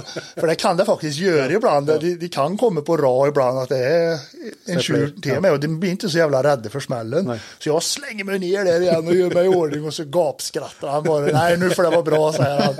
Och bara lurar oss. Ja, det var roligt. Eh, Med sådana kyss, med sådana kyss vi har haft för och så eh, genom åren. Så eh, det är väl en, ett, ett filmklipp som är med när, när eh, Ante hade gjort i ordning sin tandbörste. Och så skulle han gå ut och, och pinka med öran och så byter jag ut tandkrämen mot skokräm på honom. och så han borstar bra länge innan, innan, han känner, innan han känner att det är skokräm. så, lite annat sånt där. Det finns väl några dråpliga grejer på mig också som jag inte tror jag släppte än. Som har, som har hänt. Alltså det, är jävligt mycket sånt, Ja, ja. så roligt då. Ja. Så, Så den, den, den som du nyaste, det nyaste tillskottet där, den, den lockade du i november du? Ja, det, var, det är den senaste jag lockade. Jag tror det var, det var 6 eller 7 november eller något sånt. Så eh, det funkar med lock då med. Men eh, jag fick sitta väldigt, väldigt länge. De kom sakta då. Så För de tror egentligen inte på mig. nej, nej, jag vet inte fan. eh, Men eh, ja, det kanske var så att de inte trodde på det. Men sen efter många om och men så, så eh, tänkte de väl att ja, det kan väl vara någon eftersläntare kanske. Har du liksom testat, har liksom, hvorfor begynte du? Jeg har aldri tenkt på å lokke i november, liksom. Nej, vi... Eh, det var återigen lappar jag jagade med som sa att eh, ibland så blir det älgkor och så som brunstar om. Ja. Ehm, och kan komma in jäkligt sent i brunsten. Ja. Så det, det kan fungera bra sent då. Ja. Så, ehm, ja, så det är ju så att det ska kombineras med renskötsel och mycket annat för dem då. Så det är ju inte bara älgjakt i flera veckor nej. utan de får ju bryta av och samla och sådär ibland. Och, ja, det vore lite stökigt med snöfall som kom och älgar, älgar, renarna som började springa och röra på sig och behövde styres och sådär så det vart avbrott i älgjakten. Så det, det vart helt enkelt bara så i år att det vart väldigt sent då. Men vi sa vi gör ett försök. Det kan alltid, går ju alltid att spana. Ja. Men nu gick det inte där för det var dimmigt och det var inget spaningsväder. Så vi körde på med locken ändå. Ja. Och, och sköt faktiskt ett par stycken då. Så det funkar. Ja, så jo litt sånn Vi har snakka med det og- og s- Jeg vi skal inn på ståndskall òg. Og hvis en, hvis en ser at her får du ikke å gå siste, du får ikke å gå helt tyst, eller at det, litt, det knekker litt, eller det ser litt snø, eller sånn. Så bruker jeg å teste og liksom gjøre litt er lokkelyder på tur inn. Jajamän. Og det kjennes jo som det funker. Ja, det, Så, så jeg tror hvis en prøver å lokke i november, og det ikke skjer noen ting, så tror jeg du har ikke ødelagt Nei. jakten senere likevel. Altså, Nei, precis. Det er ikke som du skremmer noen ting. Nej, kan fortfarande gå dit och släppa en hund sen Ja. eh, om en vill det. Då. Ja. Och det där funkar ju, det där funkar ju bra. Eh, Den andra eh, tjuren som hänger där borta Ja. på väggen, den, den var ju så. Då hade vi suttit och lockat och fått svar nere i dalen. Eh, där björkskogen var tät. Och sen 300 meter framför oss och, och, och in på så sista beten var han glesare så där kunde vi se och skjuta. Och vi lockade och lockade och fick svar och fick svar och fick svar men han kom fan aldrig. Han stod kvar nere i björkskogen. Ja. Och så började det skymma, klockan började bli så började snart skumma det på började bli mörkt. Så då sa vi så nu går vi bara rätt ner på den. Och då gick jag först och så gick jag så bara och Och så bara gick jag så tyst jag kunde. Men bara rätt mot där vi hade hört ljudet sist. Och då svarade han faktiskt inte. Utan då stod han bara tyst och vi visste ju inte riktigt vart han var. Så vi kom ju och gick så och helt plötsligt så bara ser jag 50 meter mellan björkstammarna i en glugg. Att han bara står där och stirrar på oss. Så då skjuter jag i stickhålet där. Det var också jäkligt spännande faktiskt. fy det var en 18 taggare. Så, så det var roligt. Så ibland kan en göra så. Och, och det där fungerar på gris också faktiskt ibland. Ja. Eh, särskilt när du jagar i spannmål och så på sommaren. När de är ute och äter eh, i, i havren eller annat då. Och, och du går och smyger på dem. Så rasslar det lite om en och så. Det är svårt att gå helt tyst. Och eh, då kan den göra lite sådana ljud att en och så och låter lite så. Och så går den lite igen. Eh, det, det, den slafsinga den hører det snafsar jag hör och ibland så, så hör ni att de tuggar hela tiden. Och så märker ni sig väl för då tuggar de och så slutar de. Och slutar en så slutar ofta alla om de står flera. Det blir knäpptyst. Och då gäller det att snabbt vara med och liksom och... Ja, då, då, då börjar de igen. Ja, då tänker jag, ja det var bara en annan gris jag hvis det hörde. noen som ikke er jegere, som ser en som går, ut, går rundt i, en, i spannmålet, Ja. og så slafser og De skal Fy faen, det er så gærent. Ja. Ja. Jo. Men det var jo sett Men du har, du har ikke Du hadde noen, hatt noen jentehunder sjøl tidligere, men det, nå når du jager med Da er det med Robert sine hunder og, og sånn når dere er på, på løshundjakten der, da. Ja, det är det. Det är, det. det är Robert när vi kör där uppe. Ibland har det varit någon annan eh, kompis eh, där uppe då, som har haft med hund då. Ja. Så, men jag har, ingen, jag har ingen egen spets just nu då. Nej. Det har jag inte. Men, men det, det är väl lite grann lite grann på, på önskelista faktiskt. Jag funderar lite grann på om inte jag skulle, skulle skaffa en igen då. Men eh, egentligen skulle jag vilja ha en, en halvstövare då. Ja. Eh, jag skrev och fiskade lite efter det på Instagram men det vore väldigt dött om det. Och det var ingen som... Ja, har tenkt deg å pare en av den eh, Ja, jag skulle vilja para Sebbe eh, med en gråhundstik eller en, eh, en jämte eller lajkatik. Ja. Men eh, det är ju så, det är, många håller sig till sina raser då, och, och vill, inte, vill inte ta en eh, frivillig blandrasparning. Då. Eh, Men faktum är att det, det finns många fördelar med en blandras, särskilt en halvstövare. Förr hade de ju bara halvstövare, om du läser Gustav Skröders gamla berättelser och sådär. Då eh, var det ju väldigt populärt med halvstövare. Just för att du får en hund som är spörnoga och håller i länge. Eh, som kan ta kalla slag om du har tur då, och får de bästa anlagarna från båda sidor. Så får du en hund som tar kalla slag men när han reser viltet så driver han med skall och inte går tyst.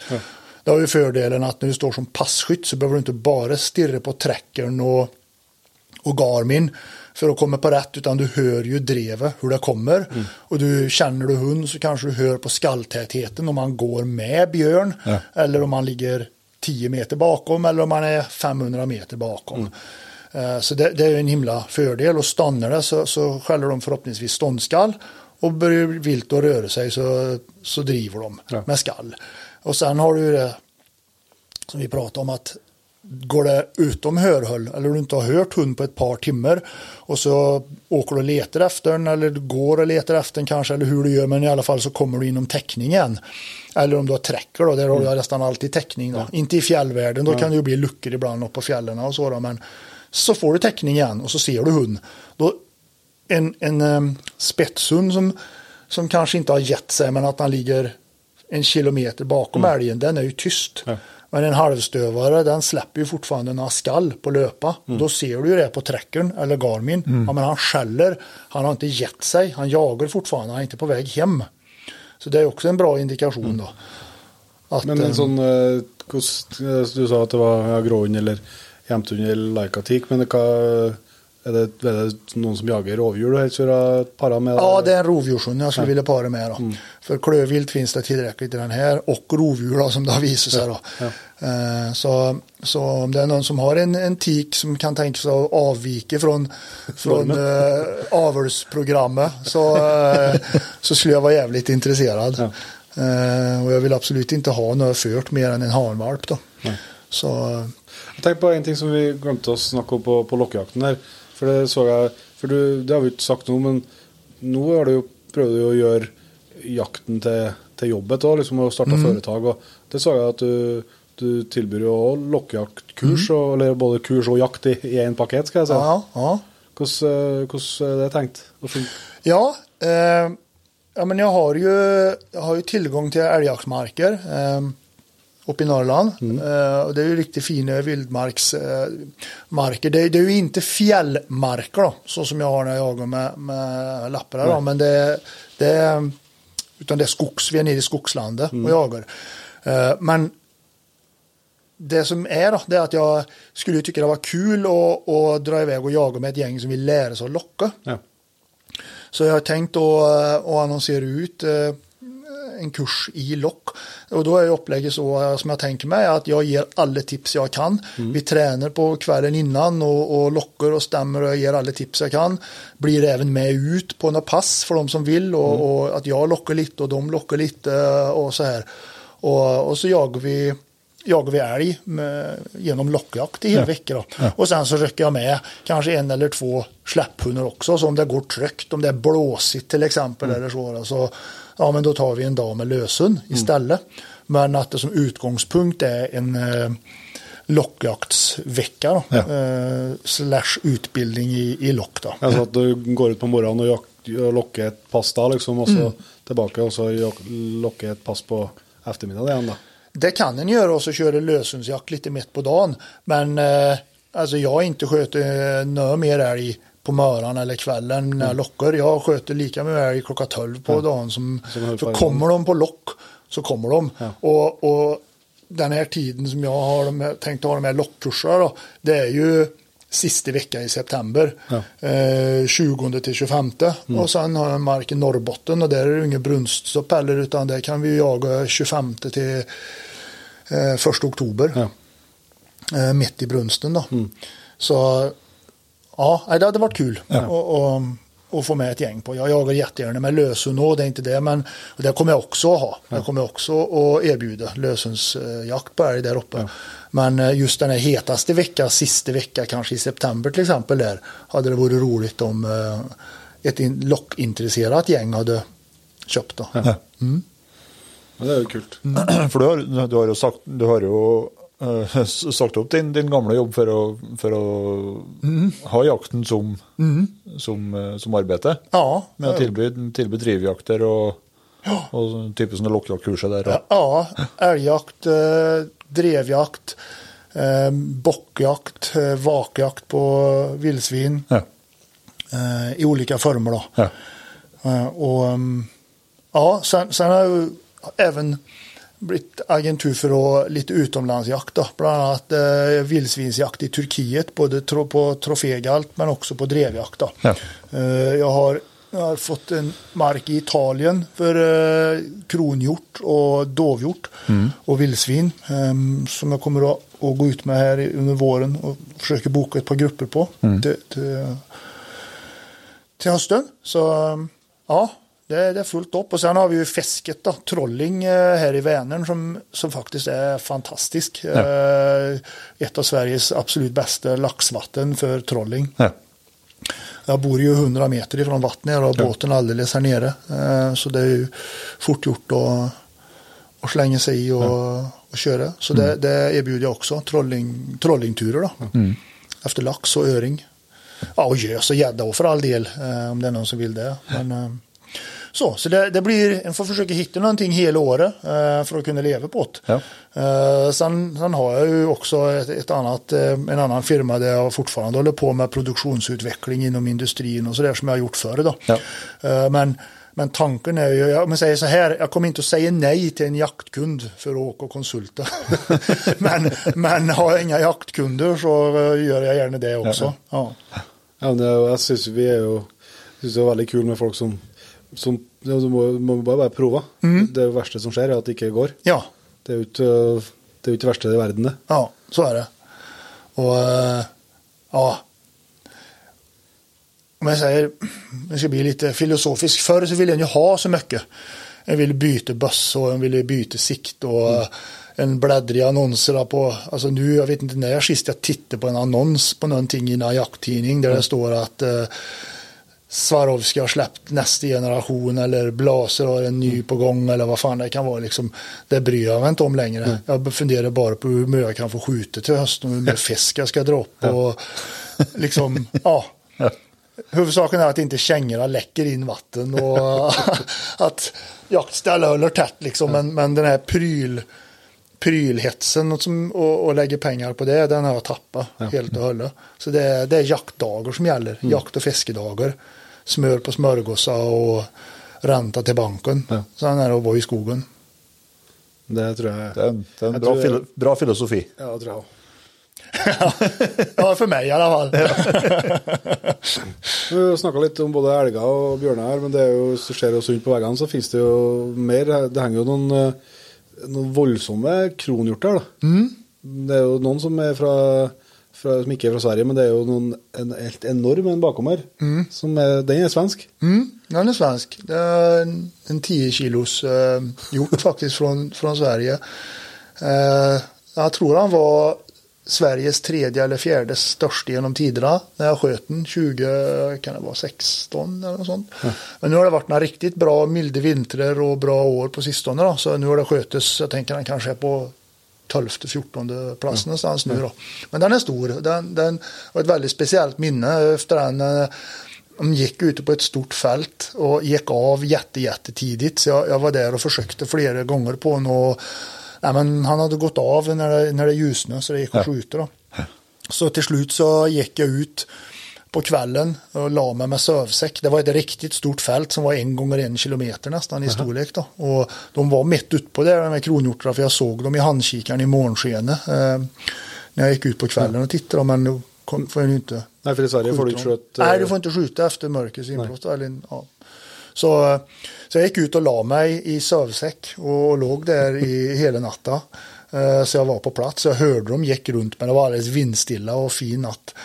Ehm, och sen eh, när, precis när det började gry så följde han i sikte. Och då stod han på tre, 300 meter kanske och skulle precis gå av. Och då grymtade brölade lite och så stannade han till och så sköt han där.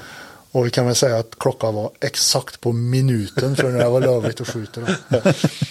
Så det var, det var kul. så det, den- såg du, ja, skönte du före den var? Eller? Nej, jag såg bara i mörker att det var horn på den. Ja. Jag såg att det inte var en, en liten, jag såg att det var, men vad ska jag säga, 10 plus då. Eh, men att det var, att det var en 16-taggare som, som vägde 10 kilo. Det, måste vara helt chock när du kom. Ja, alltså jag var ju bara skrek rätt ut när jag kom fram. och jag visste inte vad jag skulle göra liksom. Helt ensam och bara, ja, jag var helt euforisk. Och, Gött. gött. Ja, och bara, bara satte mig där vid den här hjorten liksom och bara, bara njöt. Så ja, det, det, var, det var häftigt. Det, var, det, var, det var speciellt. Och sen några av de andra har jag också, två av dem har jag skjutit i, i Ungern då. Det roliga med Ungern och Polen är att du får jaga dem i brunsten. Där får du in Örjova. Ja. Mm. Sen kan gå och höra när de bröder och smyger på bröder då. Ja. Det är ju jävligt kul. Ja. Men eh, jag vet inte, jag har alltid varit så, det är kul att jaga utomlands, men jag på något sätt så har alltid uppskattat svenskt eller Ja. vilt mer då. Det känns som att då är en liksom på hemmaplan och det, det, det är det här en ska kunna bäst om en säger. Så lyckas, lyckas med svenskt vilt tycker jag alltid har smällt lite högre än att skjuta utomlands då. Ja, også når, du, når du ser på de, på de trofeene som du har her, med, med mufflon, med, med dov eh, og s- mange fine skovl, skovler her, og altså det, det du får oppleve opp i, ja, i søndre deler av Sverige, her, det, det er jo det samme som du får oppleve i, i store deler av Europa òg. Det är det ju. Ja, Ja. Det, Och um, många av dem har ju skjutit själv utan några stycken har skjutit med med en uh, jägare på något gods då, som har, har hjälpt mig och vet, vet om vart de har gått och lite så här. Men många har ju skjutit helt själv också då. Ja. Bara, bara um, fått tag på ett terräng där det finns en sån här då och, Ja. och liksom fått jaga där själv dag ut och dag in och det är ju jäkligt kul då. Så Ja, for du, ligger- du syns det er litt eh, Det er litt ekstra gass når du vet at det finnes en stor en som Ja, men jag, det, jag har alltid varit fascinerad av stora troféer och gamla handjur. Så då. Jag vet när jag sköt, när jag sköt första guldbocken, eh, rådjur då. när jag sköt den faktiskt här bara en liten bit utanför Karlstad. Och den hade jag sett när jag var där och reka på sommaren. Och bara tyckte det var ett monster. Ja. Nu är jag inte ett monster, han är tre poäng över guld. Alltså det, men, men då tyckte jag det.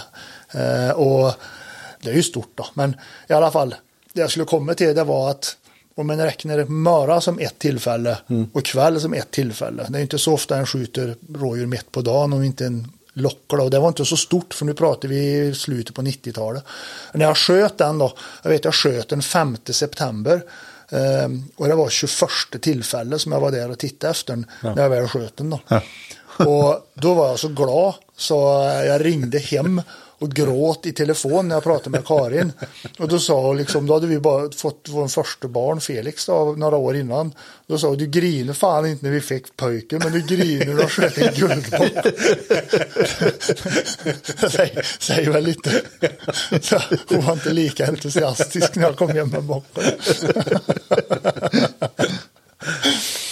Ja, Det henger jo mye villsvintenner her. Mm. Du har, du har skutt en veldig stor galte, og så så jeg på Instagram. Ja, det jag gjorde jag. Eh, och det var ju på den tiden när det fortfarande fanns med stora galter. Nu är ju vildsvinsstammen så sönderskjuten i Sverige så nu, nu får de inte bli tillräckligt gamla då. Men eh, det här var väl, eh, kan det varit 2012 kanske, någonstans 10-12.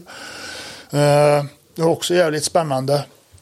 Jag satt på en, på en åtel och så var det, hade jag en sån här tunna som eh, hade bara en massa hål i. Som satt fast i en kätting som jag fyllde med spannmål och majs. Då. Och så går ju grisar och buffer på den här och, och, och rasslar med den där.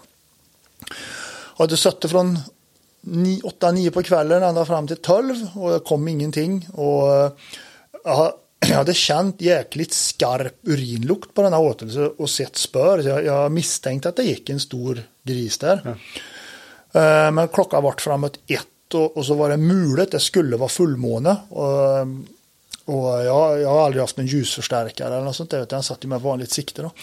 Skulle, det vart det mulet, så jag såg jävligt dåligt, så jag, jag la armarna framför mig och, och, och söv lite i vakköja. Och så spärrade jag upp ögat och vaknade av att jag hörde kättingen rassla. Och jag tittade och jag såg ingenting, varken i kikaren, handkikaren eller med ögat för det var för mörkt. Ja. Men jag hörde liksom hur det bompf och så rasslade det och bompf, han gick och, och, och bötte på den här då. Och det blåste men jag hade bra vind. eh, Så helt plötsligt så började jag riva lite i skyarna så månen kom fram. Så sakta så kom detta silvriga månskenet fram. Och då var jag med och tittade i handkikaren och så såg jag att ja, men där är tunna.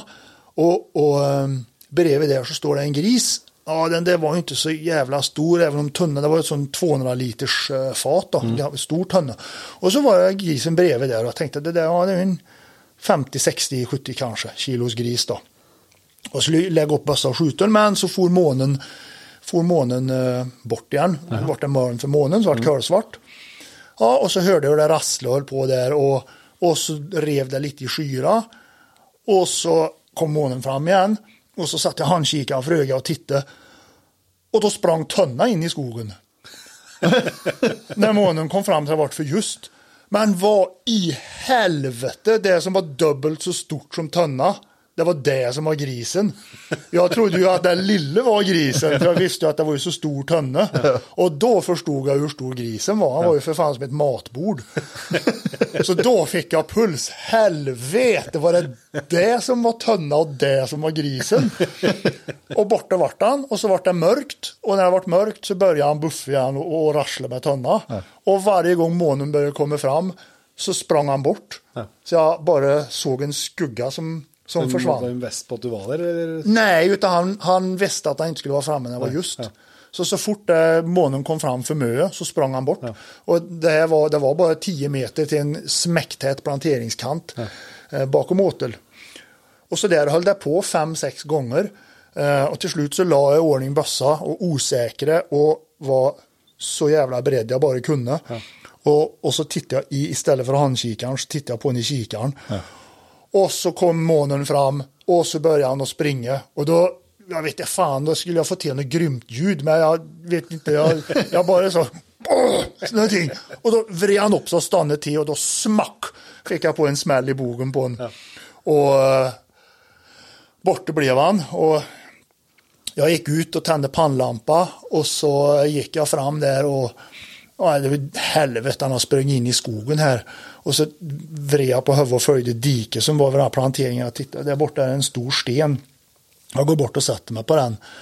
Och så börjar jag gå fram. Jag tänkte, Vad fan, hur ju den här sten? Så kom jag fram, då låg detta ase där. Då låg han stendöd där. Och jag vet, jag vågade inte gå fram till honom. Jag stod först med i anlägg och Oj, sa jag. Höj. Nej, han låg still och så smög jag på en bötte på den där pipan, men han var ju stendöd då. Ja. Uh, och den vägde 212 kilo urbloda. Ja. Uh, för vi vägde den inte förrän dagen efter sen. Mm. Jag, jag stack den då och, och, och, vi tog ur den på plats men jag tog med inälvorna i en säck. Och då vägde grisen plus säcken med inälvorna 212 kilo. Då. Ja. Fan, det är en diger det. det var ett jävla as var det. jag har en bild på när vi lyfter med, med gafflarna på traktorn och då är han ju längre än mig och jag är 1,90. Ja. Så den, ja, det var en stor jävel. Ja. Det, var, det var riktigt, riktigt roligt. Eh, men sådana såna finns det inte med längre, Nej. tyvärr. Då. Men, eh, det är bara att de inte den, den blir gammal och den Nej, det blir inte gammal nog. Det, vi skjuter för mycket gris ja. helt enkelt. Så, ja, för är, ja. grisstammen lite på tur nedåt? Ja, drastiskt. Ja, ja det är den. Sköts väl 90, var det 93 000 i, i, i förfjol och nu i fjol så 73 000. Ja. Eh, och, och och det kommer att fortsätta ja. dyka. Så tyvärr måste jag säga behandlas ju gris, vildsvinsstammen som eh, skadedjur och, mm. och folk skjuter på dem. Mm. Folk skjuter på dem med termiska ja, mörker, mm. mörkerskikte. eh, och, och det är en alldeles för enkel jakt säger jag då. Det är en, mm. alldeles för, en väldigt effektiv jakt om ja. du vill skjuta bort gris. Mm. Ja, för, det, för det är ingen kvot eller eh, nej, något sånt? Nej. nej, det är ingen hektarkvot eller någonting. Det går som småvilt i Sverige så du kan ha 10 hektar åker och skjuta 50 grisar på den. Ja, med, då med, med ett åtel och termisk ja. kikare så då blir det effektivt. Ja, ja. och uh, går du ut på fälterna i ösregn eller det spelar ingen roll vad det är för väder så ser du ju precis vart alla grisar är. Ja. Och när det är så mörkt, när det inte är något månljus, ingenting och om det regnar så kan du bara gå rätt. Går du rätt i vind så bara går du raka vägen in. Du behöver inte ens smyga. Nej. För de är så trygga i mörkret. Och särskilt om det regnar lite eller så, liksom är lite blåsigt och lite ljud. Så bara går du, knallar du rätt in i stort sett på hagelhöll och så skjuter du igen. Och då, då vet de inte vart de ska springa. Nej. För repeterar du snabbt så springer de en liten bet så stannar alla igen. Så skjuter du en till och så kanske en till. Mm. Så det här med att vänta på fullmåne och som jag brinner för och det ska vara lite frost eller lite snö och lite halv eller full måne beroende på just du vill ha då, och, och gå ut och smyga i det. Um, den, det behöver du ju inte längre. Nu, nu, kan du, nu kan du gå ut redan klockan Mm. åtta och, och skjuta tre grisar och, och vara hemma igen. Det er vel klart, men nio. hadde jo, hadde jo vært kvota eller mer altså, jakttid, så har det gått, det har gått bra. Men det er klart når det blir et trykk gjennom hele året, og, og det, det er liksom Nej, och det hörs väl på mig att jag är en stark motståndare av eh, ljusförstärkare och termisk sikte. Det kanske redan har framgått, men jag, tycker det är ett helvete. Och jag kan säga så här, eh, jag har utan att ha några bevis för det då, men, men eh, bara i det älgskötselområde där min mark är där nere, då, eh, stora kronhjorter eh, är det som en pott på där nere, det är först till kvarn. Och det är alltid en eller två stora hjorter kvar eh, fram till jul, fram till för två år sedan när det började finnas termiska sikte. Nu är det borta första veckan. Ja. Och du sköter alla tio inom skötselområdet första veckan. Och, Det, og det, er det nå, eller? Ja, det börjar på älgjakta i Sverige. Okej, Så okej. det är 8 oktober nu då, förut var det andra måndagen i oktober då. Ja. Så, så, och det hör jag många som säger, att det blir en, eh, en drastisk ökning av eh, trofévilt. Ja. Och det är också en sån sak som jag berättade om min kronhjort där då. Hind och kalv kom ju ut först precis i skymningen i sista, sista ljuset. Mm. Är det en stor hjort med så väntar han ju tills det är kölsvart innan han går ut. Sitter du med termiskt så skjuter du ju. Mm. Så enkelt är det. Så det, nej, det, det kommer många att reagera starkt mot det då, men det anser jag skulle förbjudas igen. Det tycker jag är en skit, termiskt dryckmedel. Ja, jeg, jeg tenker mer så lenge, altså, at lenge, det er en, så lenge kvoten er rett, Ja. så, så blir det om den blir skjøttet på natta eller på dagen, så blir det ikke så mye feil. Nei. Men det er klart når det sånn, hvis kvoten kvoten feil eller Och det så hör ju folk som säger, alltså de kostar ju mellan 30 och 100 000, men i alla fall 30, 40, 50 000. Eh, och det, det är ju sånt, det säger ju folk rätt ut. Ja, jag sköt ihop det sikte redan första hösten, så det, det lönar sig ju. Ja. Så det är ju det folk gör. Ja. De köper ju ett sikte och skjuter 30-40 grisar och säljer, bara för att få igen pengarna. Ja. Mm. Ja, det er klart, det blir jo Ja, det er klart det, det vel- men det, men det er ønska at, det- at fortsatt gresstammen skal videre nedåt.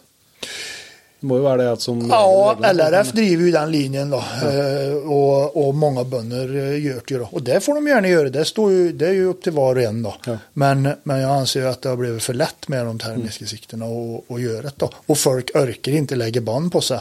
Sköt du tre grisar om året förut så skjuter du 25 nu. Ja. Och du skjuter den 26 också. Ja. Och så sitter du på dina 30 hektar. Det är ju inte dina grisar att sköta. Nei. Nej. Nei, det er jo grisene til et stort område Ja. måten. ja. Så, så det, det, det, ja, det har blivit, det har blivit fel, tycker jag. Då. Ja, så blir det, det blir feil da når det, når det er fri avslutning på et vis. Ja. Det är det. Och sen så tycker inte jag, jag har ju provat, jag har ju till och med, vi har ju släppt en film på det, jag har testat ju en gång. Eh, så jag var ute och, och, och sköt två grisar, lyckades skadskjuta den ena så Sebbe fick jobba lite med den. Men, men eh, så jag ska inte säga att jag aldrig har använt det, men jag testat det en gång. Ja. Och jag tyckte det var som ett- dataspel. Du, du, ser ju, du ser ju grisen som en, en vit eh, silhuett bara. Eh, och jag, jag fick ingen känsla för djuret när jag sköt det i det siktet. Det kan jag säga. Så det, det, var och en får göra som den vill, det är ju lagligt. att Jo, jo, jo. Men, men för mig så, så gav det ingen känsla.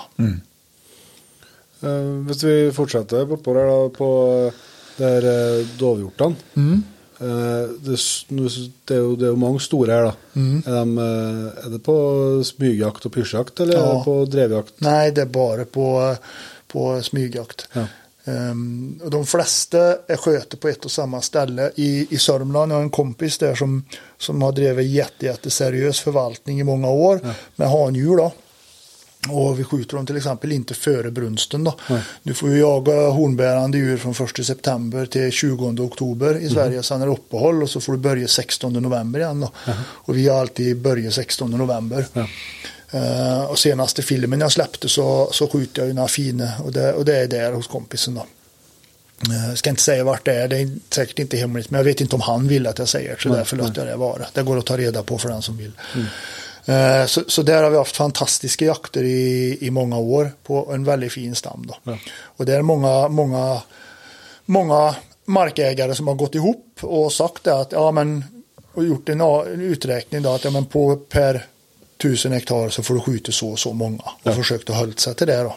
Och även spara spets och stångjort och halvskovel i viss mån då så att det fyller på med, med stora handjur då. Ja, tar ut bara noen kapital, liksom. Ja, så, så, så där, där har vi haft fantastiska jakter på, på kapitaldov och, och en otroligt fin stam. Eh, nu har det gått neråt på grund av sjukdom och lite för hög avskjutning och, eh, och så här. Och, och så där i stammarna. Så att nu, det, fort, det går fortfarande att skjuta fin i hjulen men som bäst var det nog kanske för ja, fem, sex år sedan, 2016, 2017 där.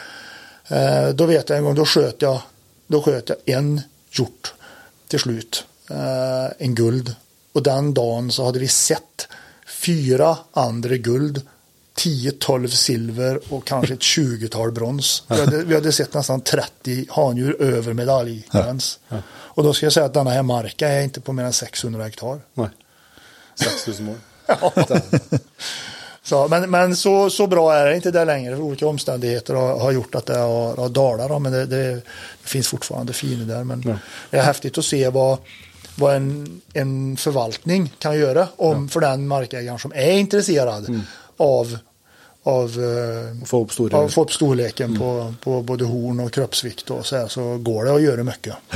Og hva, men når dere fer dere- er dere- fer dere- er dere sitter og posterer, liksom, eller fer dere og smyger i skogen? Og... Ja, då, då brukar vi smyga. Ja. Ja. brukar vi göra.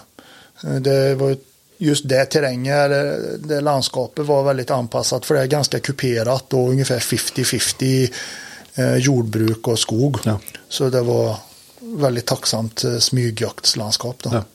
Hvis du får opp en sånn stor en på, på drevjakten, da, hvordan er det stor forskjell på hvordan en, en stor eller mot eh, hind og kalv liksom bukter en sånn stor en eh, fint da, eller er det, drar de mer ut på drevjakten? liksom? Ja, de, efter brunsten brukar de vara ganska sletna. Så Ja. det kan till och med bli ståndskall på dem faktiskt. Till och med på dovhjorten, precis som det kan bli på kronhjorten. Det är inte jättevanligt då, men, men, men de, de kan bukta bra, även handjuren där. Doven generellt buktar ju väldigt, väldigt bra. Ja. Eh, hind och kalv brukar ju bukta som en rådjurskilling ibland, Ja. särskilt inne i planteringar och sådär. då. Så det, ofta får ju hund tappt för att de har buktat så in i helvete så hund klarar inte att reda ut det till slut. Nej. Och de är, de är ju speciella doven för de, de är inte riktigt rädda för varken hund eller hundföraren. Så ofta så kan de ju liksom springa runt, runt och så stannar de när de nästan möter hund bara tre fyra meter ifrån att hund kommer och driver. Och när hunden driver förbi dem så hoppar de över den löpa och springer och ställer sig och så står de still igen. Och så bara står de. Så det är många gånger har jag gått in och hjälpt Sebbe till exempel när han har rotat fast då. Ja. Så har han sprungit och gläfst och väckt och så här och, och så har jag gått in och så är han 10 meter åt höger och så 3 meter åt vänster sprätter upp en helskovel som har låg där under i gran liksom. Så, så på något sätt så de har lite har beteende liksom. Att de vet att jag trycker så länge jag bara kan. Sen springer de ju då men, men eh, för de är, ju, de är ju rädda för folk, det är ju inte det. Men de litar väldigt mycket på sin förmåga att trycka. Ja. Och vet att hund ger upp till slut. Ja. Ja, det- Vi prata med ganger om det der doven hind og kalv. De, de bruker veldig små områder. Kunne liksom, Ja, de är väldigt lokalkära. Ja. Och det, det, de har ju långsam spridning. Ja. Jättelångsam. Ja. Eh, eh, lite så har vi haft på den marken jag har. Jag nämnde ju tidigare att jag inte har, har något särskilt med dov på min och bara två kilometer ifrån så kan vi se jättemycket dov. ja. Men eh, på tio år som jag har haft den marken så har vi bara fått ett fåtal dov över. Liksom, Ja. Fast vi har haft dem fredade och sådär. Så. Nej, de, de är hemkära. Och det är ju mufflon också. De är också otroligt hemkära. Ja. De sprids ju väldigt, väldigt långsamt. Ja. Du har jo mufloner her. Det- Mm. Ja, de skutt i Sverige. De är skjutna i Sverige och det, det är frilevande Ja. allihopa. Ja, en, en av dem har jag faktiskt skjutit på drev. Eh, sen så jag, har inte fått tag på någon guld än.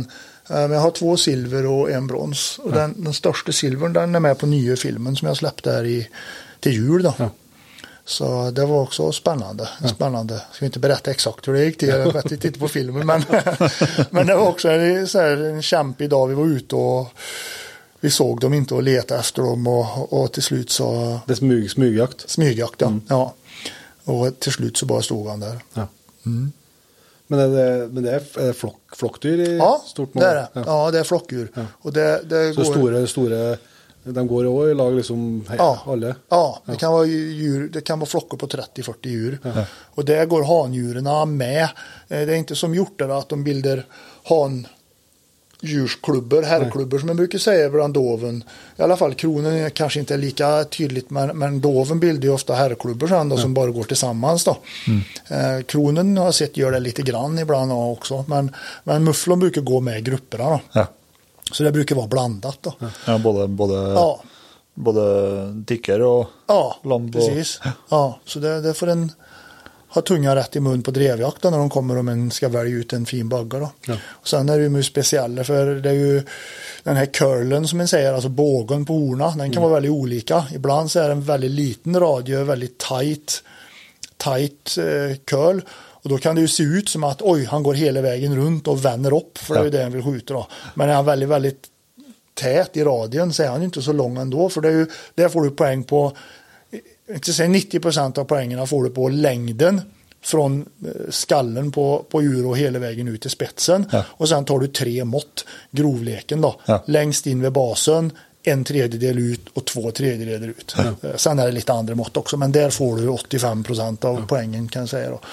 Så jag vet en, en uh, sköt jag som jag tog fel. Jag, jag, jag, jag sköt den som gick helt, i stort sett helt runt. Då. Ja. Men sen när jag ser på filmen på långt håll, där jag hade filmer han tillsammans med en annan som bara gick halvvägs. Då ser jag att den är ju fan större. Men den hade ju mycket större, vidare båge. Så Ja. han kom Ja. inte mer än halvvägs då. Men han är nog ändå faktiskt större än den jag sköt. Då. Så de, de kan vara luriga att se. ja. Det är några lodjur här då. Ja, Det är bara en katt där faktiskt som, som hänger. Det, det stör mig lite. För jag har varit med Robert jävligt mycket på eh, lodjursjakt. Men, men eh, ja, det är som Robert sa sist. Det, det är nog jävligt svårt för dig Jocke att skjuta katt. jag vet inte vad det blev med det där.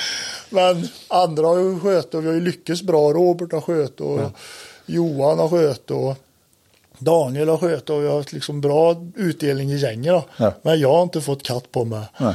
Så, så det, det har gått dåligt. Så den, För den som hänger den ser inte så svensk ut. nej, den som hänger där är från Kanada. ja. det är en lynx. Är det. Så, så den är skjuten där. Det var ju för sig jävligt rolig jakt och, och kämpa och gick länge efter någon full los och till slut så träade han. Och, nu sa jag los, jag, jag sa jag kommer att börja prata norska, har jag det för länge med. Det heter, det heter drev då. så, nej då, men eh, det, Vargen var från Kanada eller? Vargen är från Kanada också. Det, det, det var också jävla, jävla häftig upplevelse. Den finns ju också på en film. När vi var iväg och jagade coyotes på lock. Det var ju lite fränt. Just, det kanske inte är så i hela Kanada, men där vi var hade de inte liksom riktigt känt till lock. Så, så vi, vi lockade, det var ju jävla succé. Det kom ju springandes coyotes högt och lågt. Så då hade vi kunnat sköta bra många. Eh, Vi sköt väl ett tiotal då. Och sen så, så sköt vi sköt jag den här vargen. Då. Ja. Och det var jävligt spännande om jag ska dra den berättelsen. Så, så var vi ute och åkte och, och de, hade, de hade några ställen där, där de visste att, att de hade hittat att vargar hade tagit några några djur. Då. Eh, vildhäst bland annat. Det fanns ganska stort bestånd av vild, vildhästar, en typ av mustang som, som var vild där. Eh, och det hade de ju tagit på flera ställen och en, ett ställe hade de hittat vecka innan jag kom. Så, så när vi kom och åkte så åkte vi, det är ju ingen bebyggelse alls, det är ju som en dröm att vara där i, i British Columbia. Du, åker ju mil efter mil på grusväg ute på skogen. Ganska fint vägnät för att vara ingen bebyggelse, men det är ju skogsdriften Skogsdrift, ja. som behöver då. Ja. Och så var det snö, det var ju en 70-80 centimeter snö, så hade det kommit 5 centimeter på natten, så det var perfekt spörförhållande. Och så kommer vi åkte och helt plötsligt så kommer det ut vargspör i vägen. Så vi kör sakta, alltså går framför oss någon kilometer och så viker de av till vänster. Och då, då säger guiden att där nere, en och en halv kilometer ner, där är en av platserna där jag vet att de har tagit en vildhäst. Eh, så vi kör och hoppas att inte spöra ska komma upp i vägen igen och mer, och det gör de inte. Så kör vi fram med bil och så stannar vi där det går ner en liten, liten stickväg som vi skulle gå, en typ traktorväg. Och då var det jävla häftigt att se för när vi kliver ur bil där och, och 31 minusgrader var det. Och hela, vi var där i två veckor nästan och jag och hela tiden var det 31-32 minusgrader. Så då började vi gå neråt och så hade vi bara gått 10 meter ner på den lilla stickvägen. Då ser vi vargspöra. Då, då har alltså vargarna gene genom skogen kommit ner på den lilla vägen. Och så har de gått den lilla vägen hela vägen upp till den stora basvägen för att checka att det inte är någon bil där. Och så har de vänt och så har de gått ner igen. Ja. Och så vi gick i de spöra och då sa han guiden, de har varit uppe och checka eh, att det är safe. Att de har varit uppe och liksom checka ända upp till basvägen. Nu ska du se att de är ner till sjön. Eh, och vi går, det knirrar och knarrar i sjön, eller i den här snön. Och ungefär en kilometer är det ner till, till, till den här sjökanten då. Och när vi har gått ungefär halvvägs så bara ser vi hur 40-50 körper löfter ner över sjön och flyger upp. Och då sa han nu, nu, de är, nu kom de fram, nu är vargarna nere på åtel. Så vi gick ju alltså i princip bakom vargarna. Och så såg vi körparna börja cirkla på himlen då. Och då sa han det där är ett tecken när det är varg på åtel så törs inte körparna gå ner. För när coyotesarna är där då törs de vara, vara nere. Då. Så vi gick ju sista 500 meter in med vetskapen om att jag hade varg på äh, åtel säger jag, men på the kill som de säger då. Alltså det här gått bytet då, det hade tagit. Ja. Så det var ju sjukt spännande att gå fot om fot där liksom bakom guiden och veta att nu har jag varg. Är det en eller är det tio eller liksom. Vi, vi tyckte det var spör efter två eller tre då, men vi visste inte, det kunde varit fler med. Ja, ja, ja. Och så kommer vi ner och så på 300 meter ungefär får vi en glugg och spanar och ser hur två stora vargar står och, står och äter där. Då. Ja. Och um, jag lägger mig ner och skjuter fram ryggsäcken och lägger mig på den. Och uh, gör mig i ordning och då snurrar vinden så helt plötsligt så känner vi ett drag i nacken och den vargarna stelnar till och lyfter på huvudet och tänker att nu sticker de, det är nu eller aldrig. Ja. Eh, och då står han lite dumt så jag måste hålla ungefär mitt i vargen, det enda läge jag har. Ja. Och, och dra på ett skott. Och de börjar, han börjar springa ut på isen och ja, jag skjuter flera skott efter. Jag, jag, jag trodde faktiskt att jag träffade ett skott till men eh, det gjorde jag inte.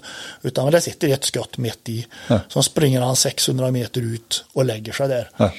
Och ja, vi springer ju ner efterut då, då. Och, och jag skjuter ett avfångningsskott på, på kanske 150 meter när vi kommer ut. Men eh, så han är död när vi kommer fram då. Det här var också en sån euforisk lycka.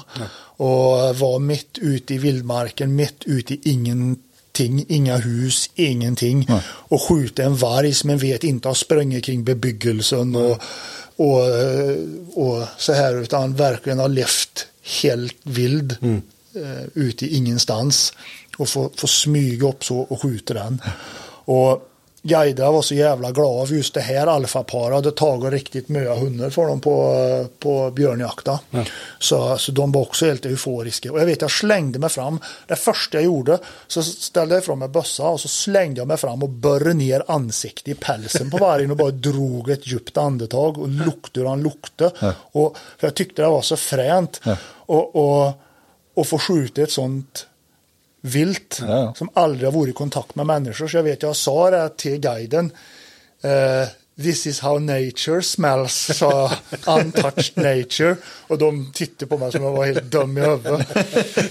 och, eh, men det roliga var, vet du vad det luktade? Nej. Jag hade ju trott liksom att det skulle, ja, jag visste ju inte hur varg luktade, men det luktade hund. Ja. Exakt blöt hund luktade det. Så ja, blöt jämthund. Liksom, nu luktar ju hunden lite olika. Ja, stövra sa vi, det pratade vi på förut, luktar på ett sätt. då, Men blöt jämthund luktade det. Det tyckte jag var väldigt speciellt. Jag hade förväntat mig att det skulle lukta på något annat sätt. Då. Så det, blöt hund det är luktat av wild nature. Ja, det är det. Nej, det var, var han så stor eller? Ja, han var stor. Han vägde ju nästan 60 kilo. Ja. Ja. Så det- den var, den var en riktigt stor uh, alfahane. Och då, många som har kommenterat den stora kniven jag har i bältet när vi jagar, som jag har som stickkniv framförallt på, på grisarna. Då. Det var ju för att Dalmon, en i guiden där, han gjorde egna knivar, jätte, jätte, jättefina. Och eh, jag, jag sa det, liksom, kan jag få köpa en sån kniv? Så, Nej, jag, jag gör dem bara till kompisar och någon enstaka, så jag, jag säljer inte, sa han då. Och hade frågat det flera gånger på björnjakt och så nej, han skulle inte sälja någon kniv och göra någon kniv. Och så när vi stod där så, så sträckte han bara fram handen och så sa han så Jockey, han kallar mig för Jockey, jag kan inte säga Jocke. Så sa han där, men Jockey, Now I'm gonna make you the knife. han. så några månader senare så kom den här på posten. Då. Och han smir blad och gör skaft och allting själv. Då. Så då kom den här på posten. Så det, det är därför jag alltid bär med mig den kniven. För det är ett sånt fint minne. Det skjønner jeg. Det tror, vet du, hvis vi skal gå gjennom alt som henger, så, så blir vi sittende hele natten. Så det, vi, skal ikke, vi skal ikke holde deg opp. Men det har vært utrolig, utrolig underholdende, eh, Jokke. Men vi skal dessverre et- etter hvert gå inn for litt, eh, litt for landing. Men vi har jo litt, en litt sånn fast, eh, fast avslutning. Vi har med gjester, og det må vi ha med deg òg. Og så har det jo kommet tips her nå både på, på hunder og på jakt. Men eh, hvis du skal trekke fram ditt beste jakttips, hva, hva kommer du med da? Mitt bästa jakttips. Ja, vad fan skulle det vara? Gå i motvind. Det er jo jævlig bra. Det er jo jævlig bra. Ja. Det blir jo enklere da. ja, ja, det blir det. Ja, det, blir. Ja, men det tar vi. Ja. Ja, vi vi kjøper det. Ja, det kan vara någon som kände till det innan kanske. Men, Hvis du ikke kjente det det ja, tips. Robert visste ju inte i alla fall som han gör så. Så må vi litt inn på, på. Hvis det er noe jaktpryl eller noe utstyr som, som du er veldig godt fornøyd med, er det noe du vil, eh, vil anbefale? Jeg ser jo at det, det reklameres ganske bra for et klesmerke, blant annet. Ja, ja men eh, Kuju tycker jag är jävligt bra. Ja. Och det har jag inget betalt för att ha heller. Eh, så det kan jag säga att eh, ja, de, det trivs jag väldigt bra i. Då. Ja. Eh, men, men jag ska också säga att det är ett skalplagg och bygger på lager på lager. Så i Sverige och kanske Norge också så är det ju mer så här vanligt att du köper ett jaktställ som är i vattentätt och lite isolerat och lite tjocklek i snarare hela säsongen. Eh, då ska du köpa då får du beställa en dunjacka eller tjockjacka utav Kuju och så måste du ändå ha ett regnställ utanpå. För det, hela ställserien är gjord för ansträngande jakt. Ja. Inte gå 100 meter och ställa på ett pass bara. Utan att du ska, du ska ha tunna plagg på dig, skydda dig mot regn, gå upp på berget, stanna, byta underställ, ta på dig en tjocka jacka och sätta dig med. Liksom. Så det, Ja. Du behöver ha en palett av plagg med dig For at det skal funke. för att det ska funka fullt ut. Då. Och det är så det är tänkt att vara. Ja. Så, så vill den ha liksom ett allround-ställ att sitta i så, så, så har de inte ett plagg att köpa. För det är många som har skrivit till mig på Instagram av vilket ställ skulle du förorda. Men det går liksom inte att säga det. Nej. För du, du, du behöver både skalet och värmen och kanske i tjock dunjacka liksom, beroende på vad du jagar. Då. Och då är det också så att de tjocka dunjackorna, de är gjorda för att vara super, super lätta. För du vill inte ha, du- det är ju för, det är för jakt med packning. Ja. Så tar du på dig en sån dunjacka och går igenom i plantering så är det bara filler åt. Ja. Så, så jag ska veta vad en köper då. Eh, Men de är också hållbara om du köper ytter, ja, men som Guides-serien till exempel eller så. Men då är inte de så tjocka istället. Nei. Så, så Ja, men det, det, det, finns ett, det finns plagg för alla typer av jakt i kuju, men det finns inte, inte ett plagg för alla typer av jakt. Nej. Men det finns plagg för alla Men, typer av men jakt. det, f- det fins heller egentlig ikke. Nej, men vi vill ju gärna tro det. Ja. Så, ja, nej, men så de, de är jag nöjda med. Sen så, um, sen så måste jag ju, jag, jag kan säga jag är inte sponsrad av någonting så jag kan ju säga vad jag vill utan att det tas på fel sätt då. Men eh, det, finns, det finns ju många olika typer av, eh, av studsare och så finns det blaser. Ja. Så är det bara. Ja. Det är en dimension över allt annat. Ja. Som fungerar bättre, skjuter tätare, är bättre. Det måste jag säga. Ja. När jag köpte min, när jag, jag har haft två blaser, jag köpte en fin först när jag fyllde 40. Så köpte jag en attaché med jättedyr träkolv på bara för att fira mig själv. Men så insåg jag att ska fan ska jag springa med denna här och förstöra. så då köpte jag med den syn, syntetkolven, Successen istället med de här två piporna. Då. Den, den är helt, helt rå, som ni säger på norska. Alltså, ja, men den, den bara fungerar. Ja, ja. Och det är snabbfäste och skjuter in ett, springer, tapper börsar, ramlar, kranglar, springer i planteringar och sen när jag tar nä- kontrollskottet nästa år så sitter det på samma ställe. Så det, det kan jag inte säga annat än att jag är nöjd med. Eh, Swarovski optik, finns massa andra optik också som är säkert lika bra men den tycker jag står, den har aldrig svikit mig. Nej. Avståndsmätare är en pryl som jag började använda för kanske 5-6 år sedan. Det hade jag aldrig förr utan jag lite på mitt eget öga att jag kunde hålla upp och så här. Men, men det måste jag säga. Att avst- om man håller på mycket med smygjakt och så här på räv och hjort och rådjur och långa avstånd och en hyfsad avståndsmätare. Ehm, och då kör jag en, en um, Vortex, en Fury. Den kostar ungefär 10 000. Du kan köpa en Swarovski för 30. Men där tycker jag att uh, Vortexen är jävligt mycket för pengarna. Ja, för det, det, är en, en kikare med... Det är en, handkik- handkikare en med- handkikare med avståndsmätare i. Den, den tycker jag är jätte, jätteprisvärd. Om man inte vill lägga 30 utan vill lägga 10-12 000 istället. Du fick lite bruk för den när du var på vildrenjakt i Norge. Ja, Ja. det fick jag. När jag väl hittade en vildren. Det var ju, det var ju mest mätning på... för det. Ja, fy fan. vad vi- Och de hade, de hade beskrivit detta här stackars Tryggve och Nina som hade liksom beskrivit det här med ren, det var i området och visade film för år innan när det kom så här herrklubbor på 50 kapital renar och grejer. Och så, så bara gick vi och kämpa och kämpa och kämpa och kämpa. Ja, men till slut fann vi dem ju då. Ja. Men det, det, det är sån jakt älskar jag. Alltså en lång skjuting och lång strapats och väder och vind och uh, sitta och koka kaffe bakom ett stenblock och liksom, nej sånt älskar jag. Så det var verkligen en, en fantastiskt rolig jakt att få vara med på. Det var, det. det var nästan bra att inte vi fann massa djur första dagen och sköt. Jag tyckte det var, det varit perfekt. Vi slet Ja, ja. som fan i sex dagar och sen sköt vi till slut den sjunde. Och sen fick jag bära hem köttet och trofén i full storm. Ösregn och 18 meter per sekund blåst. Och, ja, den, den hade allt den resan. Da, da koser Jokke seg. Ja, det gjorde jag. Ja, ja det var kul. Ja. Jävligt bra.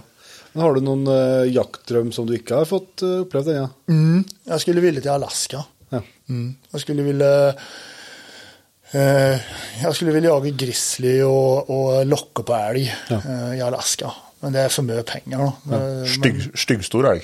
Mm, styggstor älg. En, en, en, en 70 inchare som är 1,40-1,50 eh, eller mer. Skulle jag vilja göra. Och så, ja, och så skulle jag vilja kikarspana efter, efter grizzly och, och skjuta en niofotare.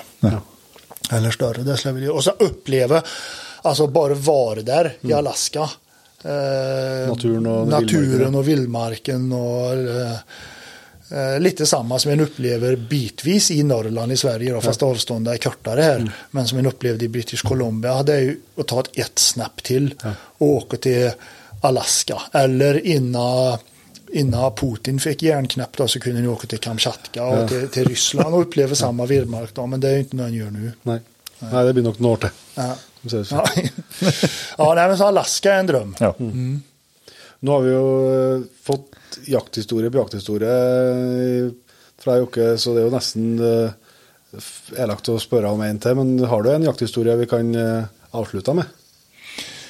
Ja, men det har jag ju säkert. Eh, Ser litt rundt på veggene. Ja, jag, jag funderar lite på vad, vad, vad ska en ta då? Nej, men eh, vi, kan ju, vi kan ju ta en om björn. Ja. För det har vi inte pratat så mycket om.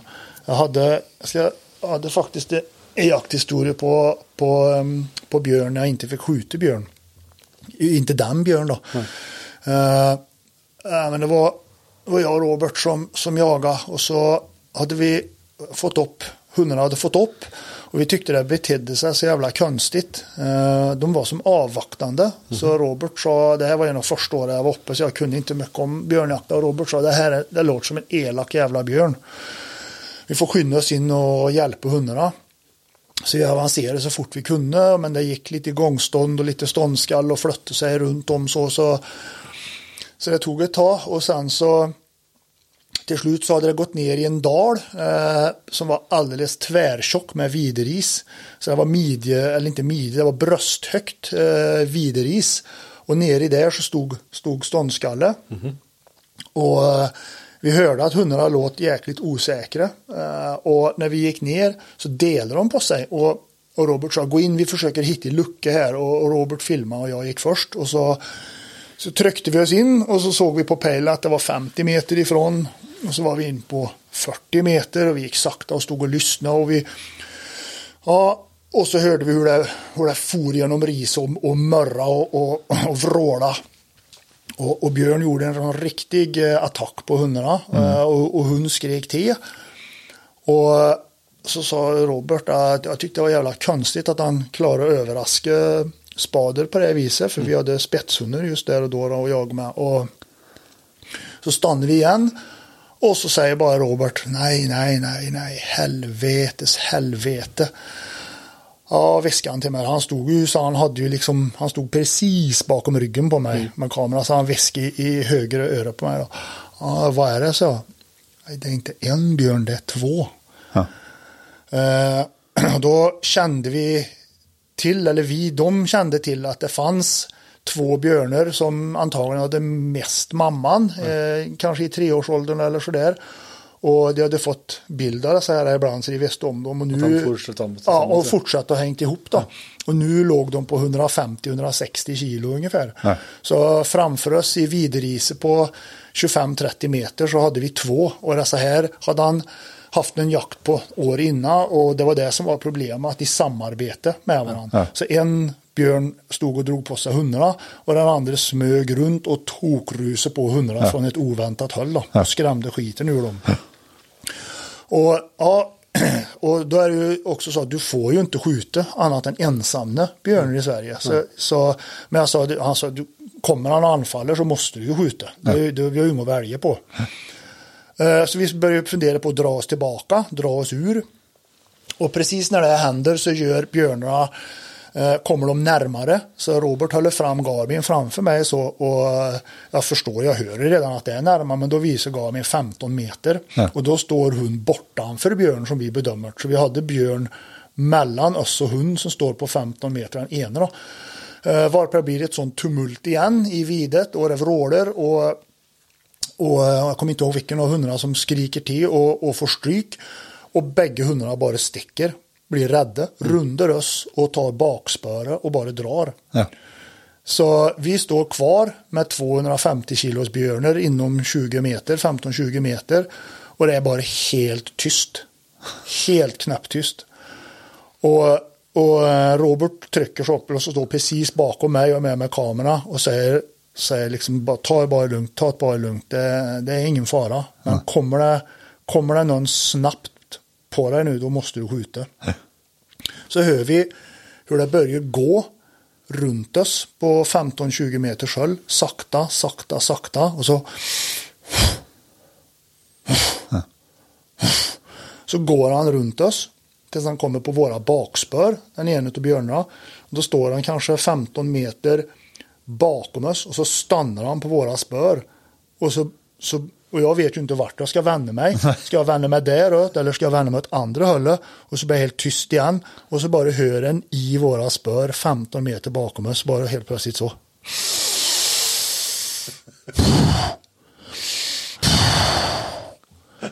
Och så bara blir det helt tyst.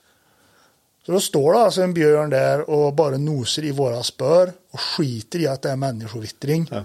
Och så vet vi att vi har en lika stor björn till inom 20 meter. Ja. Och vi ser en meter framför oss. Och där bara står vi. och Robert säger bara stå bara still, stå bara still. Så står vi där i, ja det kändes som en evighet. Och så hör vi hur det knakar lite grann. Den björn som gick runt oss går lite grann iväg. Det hör vi. Bort mot det vi tror att den andra passerar oss kanske på 10 meter och så blir det tyst igen. Så hör vi inget mer. Och det går säkert 15 minuter. Eh, då ser Robert att hundarna har återvänt på pejlen då, och har kommit in och står på kanske 100 meter. Ja, så helt plötsligt så bara säger han det. Nej, nu orkar jag inte med den här idiotin mer. Nu får vi dra på ett ståndskall och se om vi lyckas lura hit hundarna. Så helt plötsligt så bara börjar Robert att vråla uh, spader, spader, kom, uh, uh, uh, uh. Var nu säger för nu kan det hända vad som helst. Och då kommer hundarna, ser vi på pejlen, springandes in igen. Och så dundrar björnarna iväg framför oss och så kommer hundarna och tar upp jakta. Och, och bara förföljer dem då liksom. Och så var det full jakt igen. och, och Robert bara tittar på mig. Satan, det där gick ju bra. Hoppas de delar på sig nu så vi kan skjuta en av dem. Nu kör vi Jocke! Och så börjar han springa. Och jag springer 5-10 meter och så bara drar magen ihop sig och så bara spyr jag rätt ut.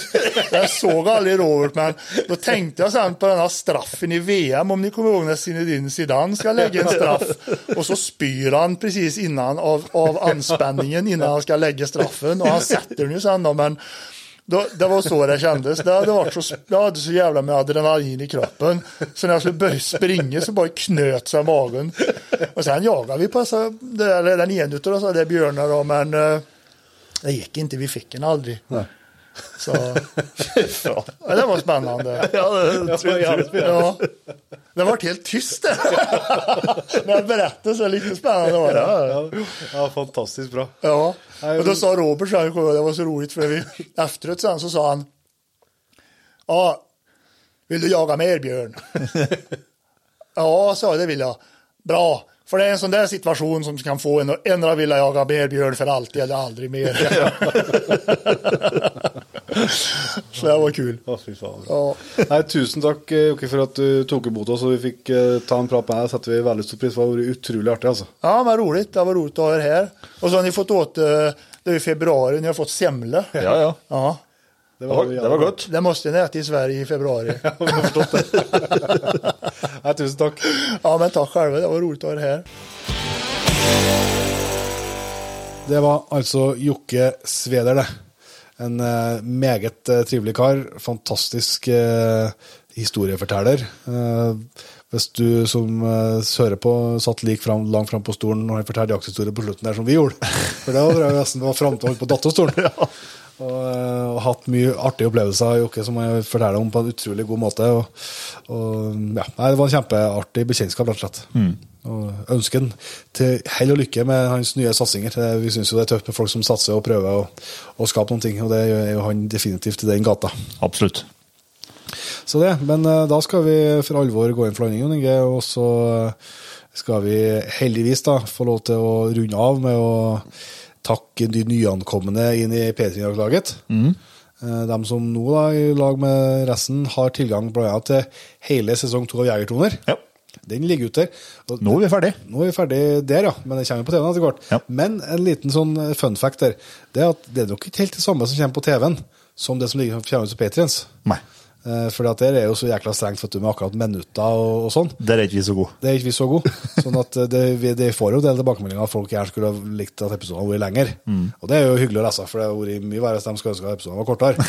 Eh, sånn at, eh, eh, men i hvert fall hvis du har lyst til å se uncut, da, eller i hvert fall eh, eh, resist, nei, hva heter det? Directors cut av uh, Jegertoner, så må i hvert fall klikke deg inn på Patrion-appen eller på Patrion-sida vår. Du, også. Så da sier vi i hvert fall tusen hjertelig takk til Eirik Eidem, Daniel Holte. Sæter, Svartangen. Tommy Hagen, Hans Roar Tangen. Nei, Hans Roger Tangen. naboen her, Kai Morten Hagen, Bjørn Egil Espeseth. Storbukkjeger Sæterli, Rikard Jensen. Sander Hallstrand Andreas Søre. og Magnus Bakken. Tusen hjertelig takk til dere. Og selvsagt til alle sammen som allerede er med å utgjøre Patrion-laget og gjør det mulig for oss å surre på med alt mulig rart som vi driver med. Så det, jeg tror vi bare unna Jan Inge og ser som vi bruker å gjøre til neste gang. Vi høyrast.